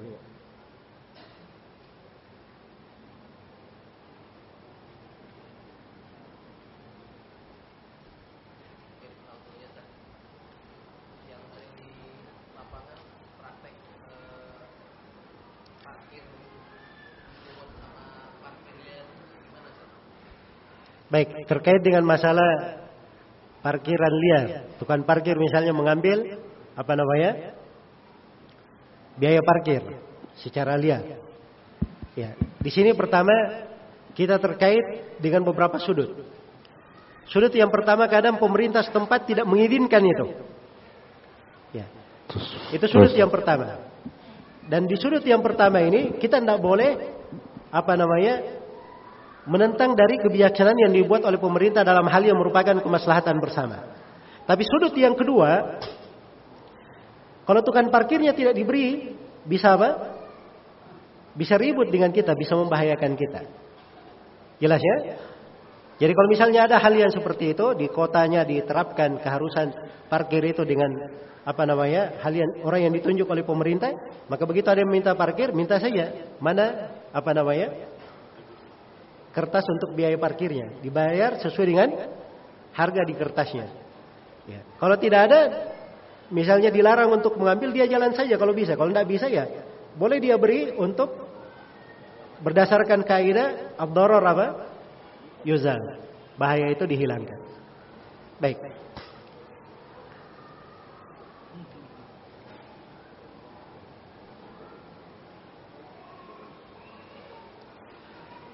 Ada yang mengatakan hadis tentang kembali kepada Al-Quran dan Sunnah baif. Kata yang benar kembali kepada Al-Quran dan Ahlul Bait. Tidak ya, dua-duanya hadis yang sahih. Dua-duanya hadis yang sahih. Kalau apa namanya hadis tentang Ahlul Bait di Sahih Muslim dari Zaid bin Arqam, Nabi perintah untuk berpegang dengan Al-Quran. Kemudian beliau berkata, "Udzakirukumullah fi ahli baiti." Aku ingatkan kalian tentang Ahlul Baitku. Adapun berpegang dengan Al-Quran dan As-Sunnah itu diriwayatkan oleh Imam Malik dalam Muwatta dan Al-Hakim dari Abu Hurairah radhiyallahu taala anhu Rasulullah sallallahu alaihi wasallam bersabda taraktu fikum syai'aini lan tadillu ba'dahuma ma in tamassaktum bihima. Kitab Allah wa sunnati. Aku tinggalkan kepada kalian dua perkara. Kalian tidak akan tersesat sepanjang kalian berpegang dengan dua perkara itu kitab Allah dan sunnah jadi dua-duanya hadis yang sahih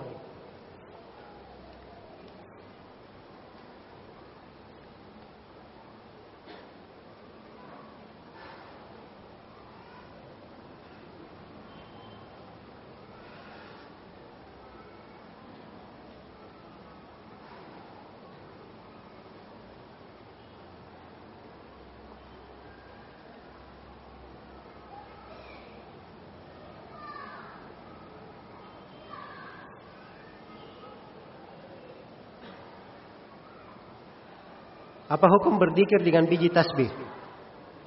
Karena ada masih orang yang menggunakannya. Ya ini sebagian ulama ada yang menganggap itu makruh dan sebagian ulama ada yang memberi kelapangan di dalam hal tersebut.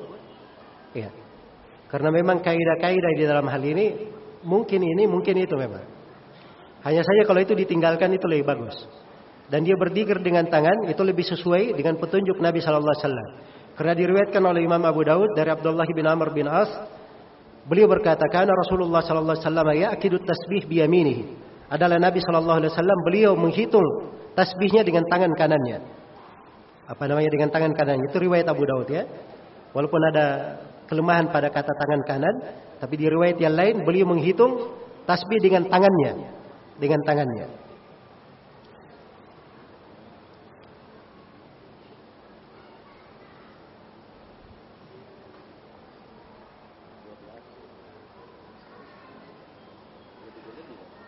Bagaimana melampiaskan syahwat secara haram namun takut kepada Allah? Bagaimana jalan keluarnya? Jalan keluarnya menikah. Ya. Jalan keluarnya dia menikah, dia lampis dia lampiaskan syahwatnya pada hal yang dihalalkan. Diriwayatkan oleh Imam Al-Bukhari dan Imam Muslim dari Abdullah bin Mas'ud radhiyallahu taala anhu, Rasulullah sallallahu alaihi wasallam bersabda, "Ya ma'syara syabab, man istata'a minkumul ba'a falyatazawwaj, fa innahu aghaddu lil basar wa ahsanu lil faraj." Wa man lam yastati alaihi bis-shaum fa innahu lahu Wahai sekalian anak muda, siapa di antara kalian yang mampu untuk menikah, hendaknya dia menikah. Sebab itu lebih menundukkan pandangannya dan lebih menjaga kemaluannya. Dan siapa yang belum mampu, hendaknya dia puasa karena puasa memutus apa? Memutus syahwatnya. Jadi itu solusinya.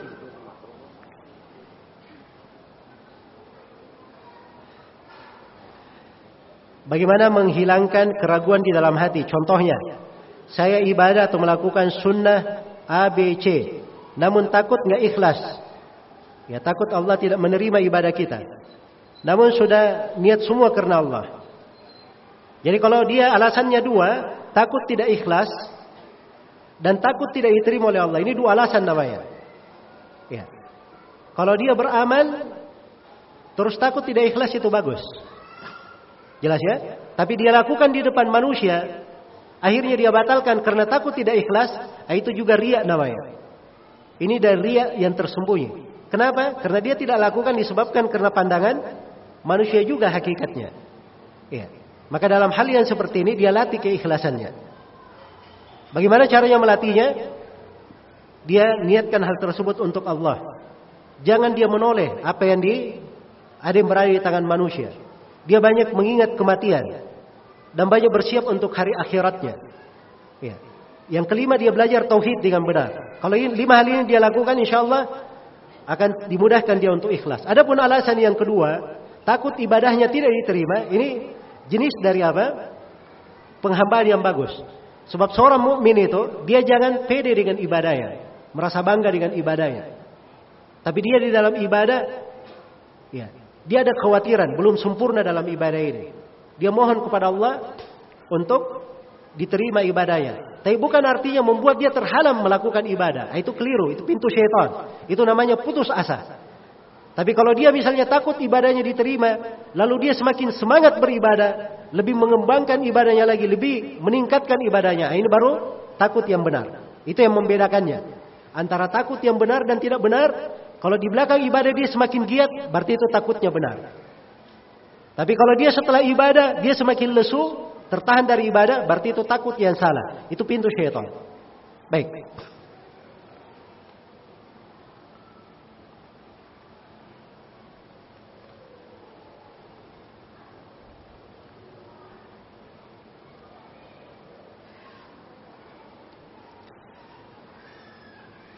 Bagaimana bila seorang akhwat sudah ingin untuk bernikah namun terhalang izin orang tua, bahkan melarang keras. Ya Allah Subhanahu wa taala berfirman, "Fattaqullaha mastata'tum." Bertakwalah kepada Allah sesuai dengan kemampuan kalian. Ya kalau dia dilarang oleh orang tuanya, dia memakai niqab, dia mungkin memakai sesuatu yang dipasang dilepas.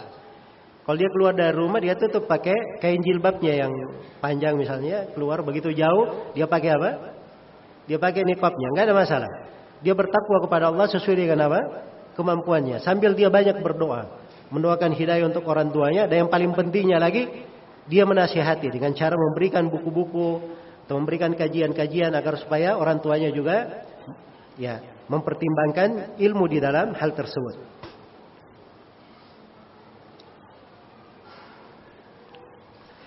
Bagaimana cara menghukum penista agama jika pihak yang berwajib menghukum tidak melakukan hukuman atau tidak melakukan hukuman terhadap penista agama. Ya, agama kita ini tidak mengajari kita untuk main hakim sendiri. Ini perlu saya ingatkan ya, di dalam Islam itu tidak ada yang namanya main hakim sendiri. Kalau ada yang memahami dalam agama bisa main hakim sendiri, itu orang yang tidak belajar agama. Sepakat para ulama di dalam buku fikih bahwa penerapan hukum-hukum itu di tangan pemerintah di tangan pemerintah. Jadi kalau ada yang berkasus, misalnya dia mencuri, bukan dia dapat langsung dia potong tangannya. Dia bawa ke pemerintah, ke pengadilan. Pengadilan nanti yang menjatuhkan hukum. Kenapa harus melalui pengadilan? Sebab membuktikan dia mencuri itu banyak prosesnya. Dia mencuri, ada syarat.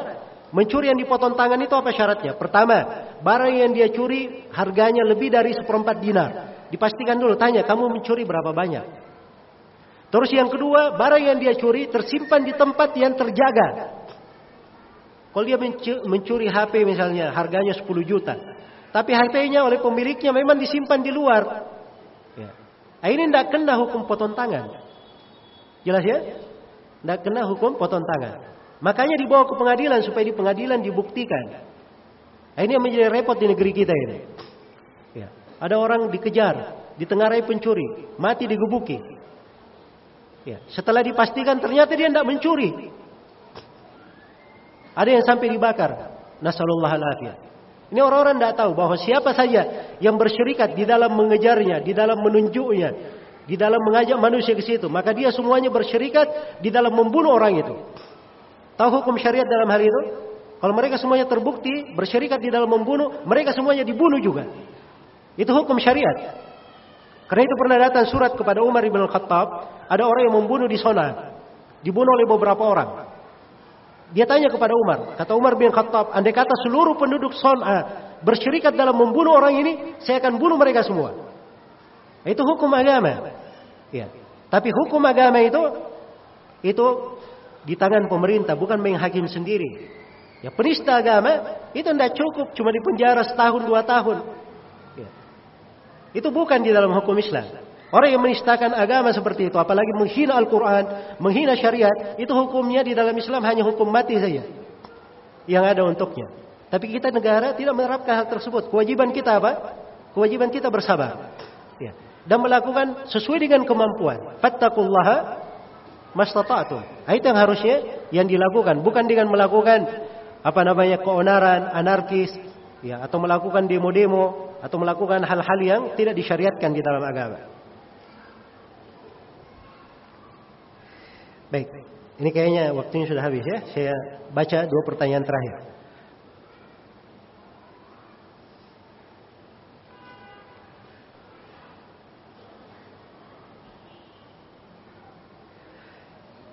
Jarak rumah ke Tanah Abang sekitar 45 kilo. Dalam perjalanan ke tempat terdapat macet total, kerumunan membuat sesak, apakah ada keringanan? Misalnya jamak kosor, jamak saja. Ya saya nggak tahu ya orang Bogor ini kalau ke Jakarta itu dihitung safar atau tidak. Ya. Apakah dihitung safar atau tidak? Itu saya nggak tahu uruf yang berjalan di sini apa. Hanya saja ukuran umumnya, memang ukuran umumnya tanda-tanda musafir itu kalau misalnya jarak antara sebuah kota ke kota yang lainnya sekitar 80 kilo. Ini kan hanya disebutkan 45 kilo. Ya.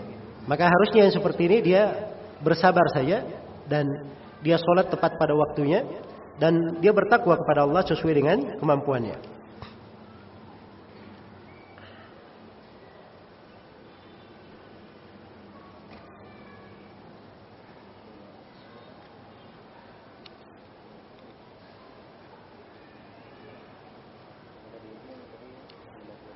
Bagaimana jika ada pelaku bid'ah ketika diingatkan amalannya tersebut adalah bid'ah, dia berkata segala amalan tergantung pada niatnya. Ya betul segala amalan tergantung pada niatnya. Tapi Nabi sallallahu alaihi wasallam juga bersabda, "Man amila amalan laisa alaihi amruna fahuwa raddun."